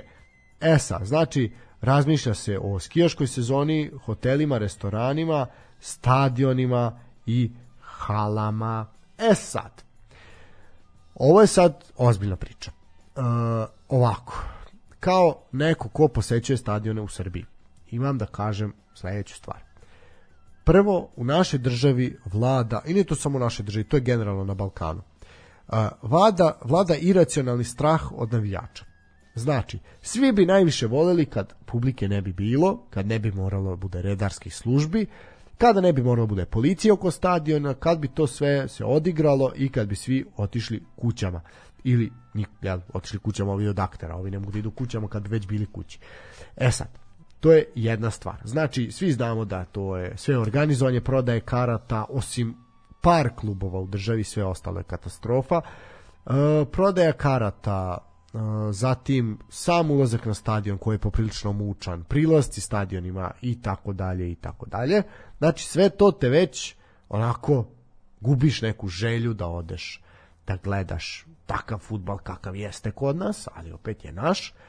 I onda imaš tu situaciju da sad ide bliži se eto koliko još nekih manje od mesec dana će se igrati futbal u ovoj kalendarskoj godini počinje priča o covid propusnicama da li je pri, da li je covid propus, za covid propusnice na stadionima kasno ili će ili je rano ili treba da i bude ili ne treba bude definitivno nije naše da rasuđujemo e, ali kao neko ko je poučen iskustvom i ko je video šta se radi na primjer u Hrvatskoj i koliko to sve mučno deluje uh, jer šta se dešava? Znači ok, covid propusnica ali ne možeš samo zaustaviti na tome znači ko nema covid propusnicu moraće imati uh, način da se testira da se testom onda uđe negativnim uđe na stadion jel? ili antitela ili već šta god znači ovako, to je sad jedna ozbiljna logistika za koju ja mislim da mi kao uh, pa i futbolski savez, ali ne mi kao deo futbolskog saveza, nego mi kao društvo i mi kao država trenutno nemamo ni volje, a ni neke preterano mogućnosti da to sve sprovedemo, da to funkcioniše. Znači, ako bude toga, to će biti poprilično nakaradno. E sad, ja se bojim onoga što se dešava u Hrvatskoj. To sam napomenuo. Znači, gde vi imate punktove za testiranje, gde onda ljudi dolaze po dva sata ranije da bi stajali u redu da bi se testirali i onda znaš stojiš dva sata u redu pa se testiraš ti gurno ono u nos do potiljka i onda čekaš na ulazak u stadion. Znači to sve odlazi to je ceo dan igranja. I imaš naravno još su vakcinisani ajde oni prođu, prođu brže. I šta se dešava? Oni sada imaju problem sa uh, publikom na stadionu gde osim uh, Hajduka zaista ovaj on ima najjači prosek prosek ovaj gledalaca gde ima 7600 u proseku, Rijeka na primjer 2800, Osijek 1900, Dinamo 1200, Istra 860, Gorica 750, Lokomotiva 670, Slaven Blupo 660, Šibenik 650 i ovi dalji su sve gori i gori. Znači, eh, naš prosek nije ni, ovo, ni blizu ovoga. Vidi ni blizu. Znači, sada ste na Partizan, znači u derbi utakmica protiv Vojvodine, vi ste imali par hiljada ljudi. Znači, nije bilo 7000 ljudi, nije bilo ni pet. Uh, Crvena zvezda, ajde, imaju najveću posjećenost, mada i to je splaslo u poslednje vreme. Uh, I sad kako ide hladnije vreme biće sve manje i manje ljudi. To se vi osetno primetno na primjer na partizanovim utakmicama, ono što pričam, igra se nedeljom, prvi termin od 20 časova bilo je solidno, popunio već sledeći, svaki sledeći bilo sve manje i manje. Znači, bojim se da ćemo doći do toga da niko živi neće hteti da dođe na stadion. I ovako su ljudi koji žele da dođu tamo su u velikoj onako manjini, mnogo je više oni koji ne žele nego oni koji žele. Plus, ajde okej, na par stotina ljudi, na par hiljada, na dve hiljade ljudi, to će se možda i može, moći organizovati. Šta ćemo kad bude večiti derbi, kad bude evropska utakmica? Znači, to ne može tako. Uh, pritom što se ne poštuje epidemiološke mere. Znači, nema nikakve priče o razmacima, o maskama i tako dalje i tako dalje. Znači šta sad? E, može ko je vakcinisan, ali bez maske ili će trebati i maska. Znaš, jako je tu jako je čudna ta priča i ne znam da li koliko je pametna čemu to dirati, šta ne znam, jednostavno kao neko ko odlazi na stadion iz tog ugla gledam, meni se to ne sviđa. Ne toliko da sam protiv COVID propusnica, koliko sam protiv toga, e, protiv or- načina organizacije koji pretpostavljam da će biti, a to će biti kriminalno.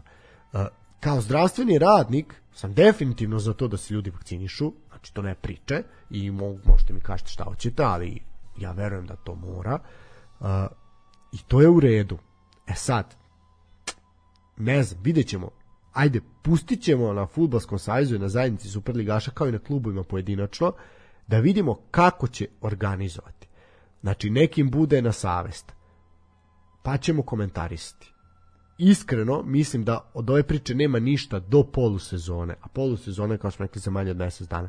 Nakon polusezone ćemo vidjeti šta će biti na proleće, sve je moguće. Pogotovo što će na proleće biti izbori, ja nešto sumnjam da će se tu čačkati, jer zna se ko je biračko telo i zna se ko će odrađivati koje kakve poslove za vlast, a to su ljudi kojima sigurno se neće tražiti covid sertifikati. E, dobro, imaš ti Tanja nešto da dodaš na ovo moje Nemam izlaganje? ništa, veruj mi. Da, pa dobro. Mislim, u suštini, nažalost je to tako, a nažalost ta svaka, sva neka ta priča o svemu tome jako puno ovaj budi tih nekih naš negativnih komentara. Šta sad oni nama, Da. ko je, ko su oni nama, da oni nama zabrane i tako dalje i tako bliže. Ali ne znam, mislim s jedne strane ovaj jako je to pipavo, pipavo i nezgodno. Znaš, imao sam priliku pre prošle nedelje sam seo u jedan lokal, jedan pub. I stvarno je konobar odmah pritrčao da pita je li imate COVID propusnicu, ja sam rekao da naravno imam, dečko je to očitao. I dok je očitavao drugarima koji su sedeli sa mnom, ja sam ga pitao pa dobro, kako, jel se ljudi svađaju, jel bude naš, ono, ima ljudi koji neće, jednostavno, i, ali isto tako ne misli da treba da izađe iz lokala ako nema COVID propusnicu. I kaže da ima svega, da ima naroda koji se svađa, da ima naroda koji ne razume ovaj pravilo, jel? Tako da, ono, mi smo čuda narod, razumeš, i prosto nešto zabraniti kod nas da je, deluje onako kontra, dosta tu ima kontra efekta, Da, da. Tako da, eto, ne znam, mislim, ova priča je zanimljiva, čudna, ne znam šta, šta očekivati od svega toga. Sumnjam da će se to uvoditi, kažem, i zbog izbora, i zbog te neke organizacije koje će biti poprilično, poprilično ovaj, teška. Najmanju ruku teška. A, ja bih pustio još jednu pesmu i onda bih se polako odjavljivao. Šta ti kažeš na tu ideju moju? Slažem se. Slažeš se. Dobro. A, dobro, ja tražim u našoj bogatoj fonoteci šta bi ja tu nama mogo da pustim i našao sam tako da uživajte.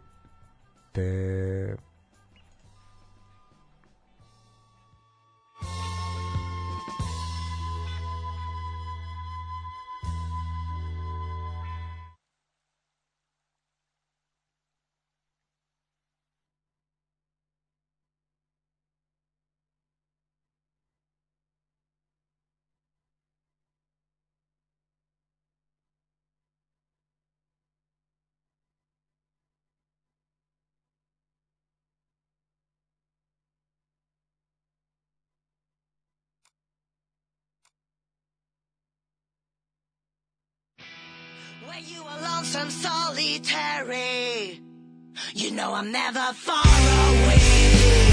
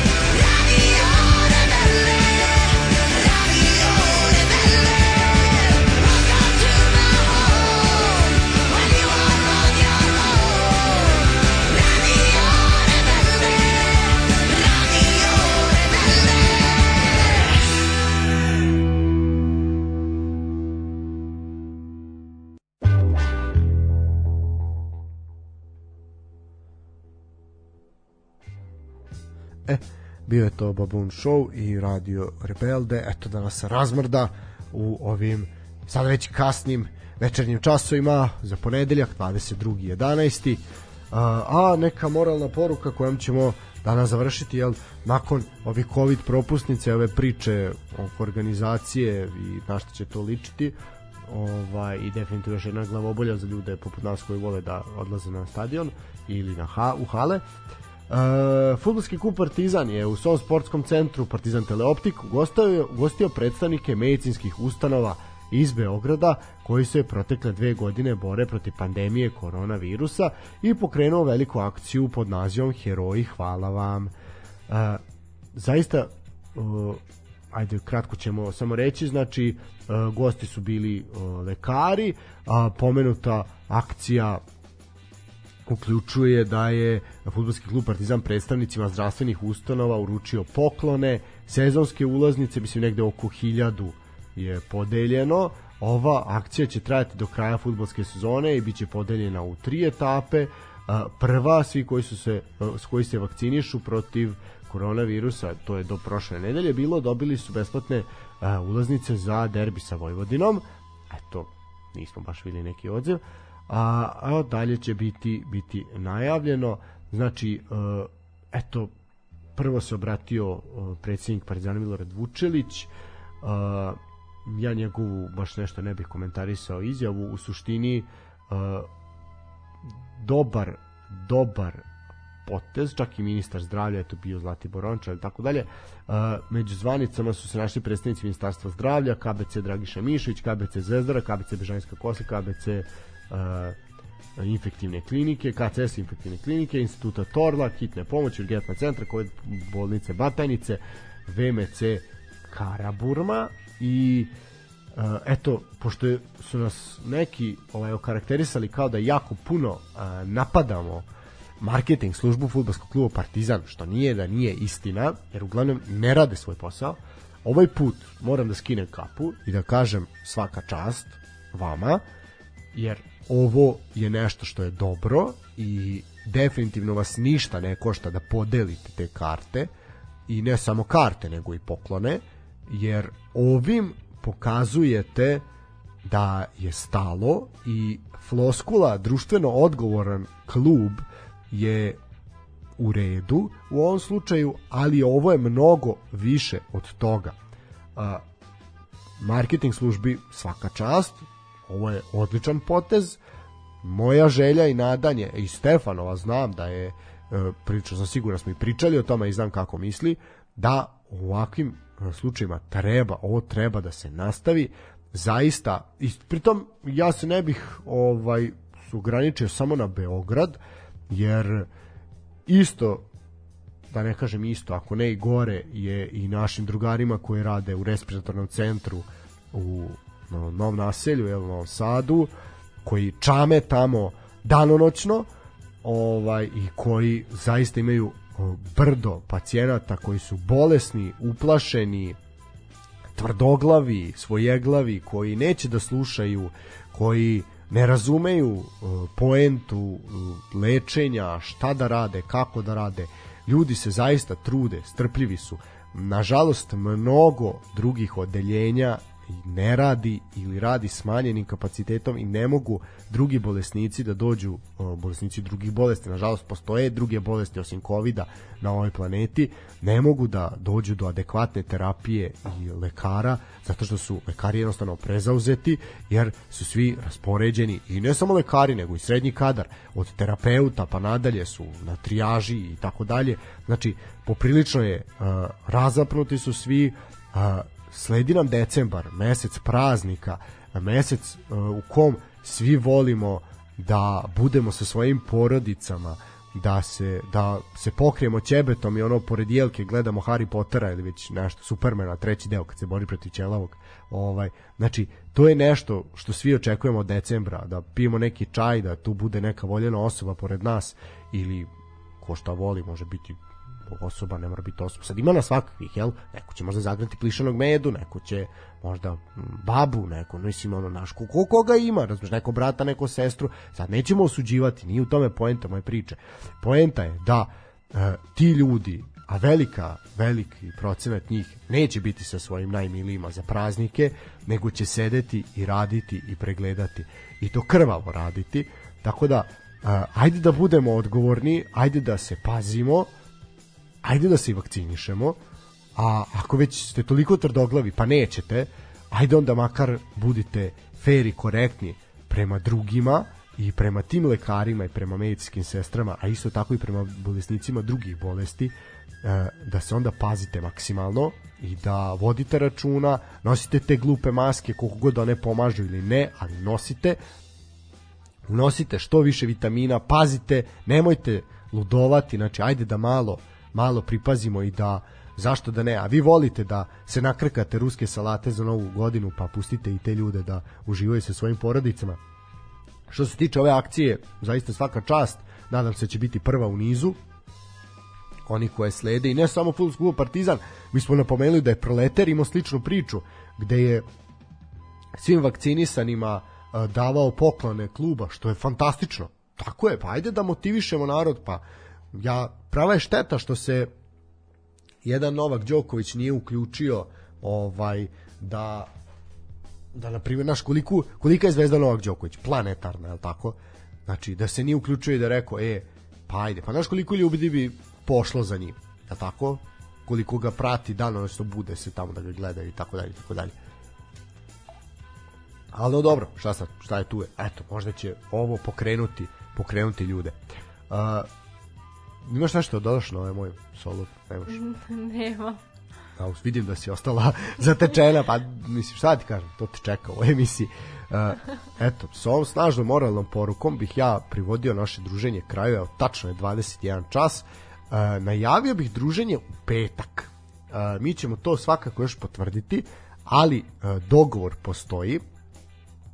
Gost će biti Bjanka Ostrogonac, to je naš, naša a, reli vozačica koja a, beleži dobre rezultate i nama je ta priča bila onako poprično zanimljiva, pogotovo što ona tu lokalna devojka, ovaj, eto mi ćemo malo sa njom razgovarati o automobilizmu, o, o pripremi za trke, samom sistemu takmičenja, o tome kako je to jedna žena završila u motosportu i automotosportu i zašto da ne, razbiti taj mit ko je bolji vozač, da li su žene zaista tako loši vozači, očigledno je Bjanka primjer da nisu.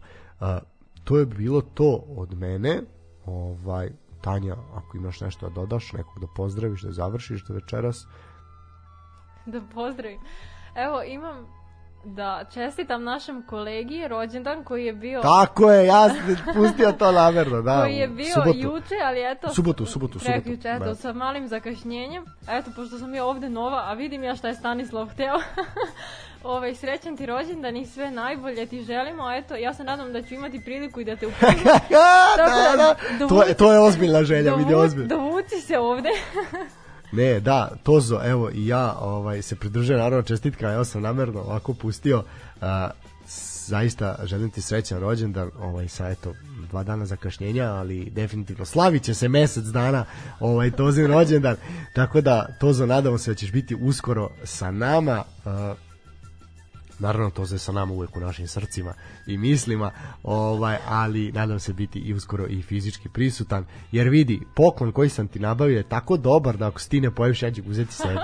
ovaj, tako da mislim da je ovo, da je ovo dovoljan, dovoljan razlik da dođeš. Uh, to bi bilo u suštini to ljudi, ovaj, hvala vam, nadam se da ste uživali, uh, svakako ću uh, čestitati Tanji na eto, na jednom odličnom nastupu večeras, danas si potpuno odmenila Stefana odlično i neka još malo pa šajt sama, pa ćemo mi na godišnji, a ti ćeš ovde da šljakaš, a dobro, do toga svakako ima još vremena. Ništa ljudi, uh, hvala vam na slušanju, hvala na komentarima, jako puno lepih komentara smo dobili za naše novo pojačanje i to nam se sviđa, tako da svi će vam se više svideti nego nas dvojica, to o tome je priče i diskusije. Uopšte, šta da vam kažem, uživajte, čujemo se u petak, naravno svakako ćemo to najaviti, a eto sada kad imamo još jedno pojačanje, još jedna gladna usta koja treba nahraniti, Paypal, Pet, Patreon, sportski pozdrav, nešto nek sune da i mi dočekamo novu godinu uz pa makar onaj najjeftiniji neki šampanjac, ne tražimo mi puno, može biti navip za 1000 dinara, nije problem, onaj proseko, pa ćemo se prosra, a dobro, nije ni bitno. Ovaj, nek bude šta bude, ali malo nešto nek kane na Paypal, na Patreon, na Erste banku, račun Erste banci, znači sve imate na našim profilima, Facebook, Twitter, Instagram, pratite nas, komentarišite, predlažite, kritikujte, ovaj, a onda se dalje čujemo i vidimo. Ljudi, uživajte, laku noć.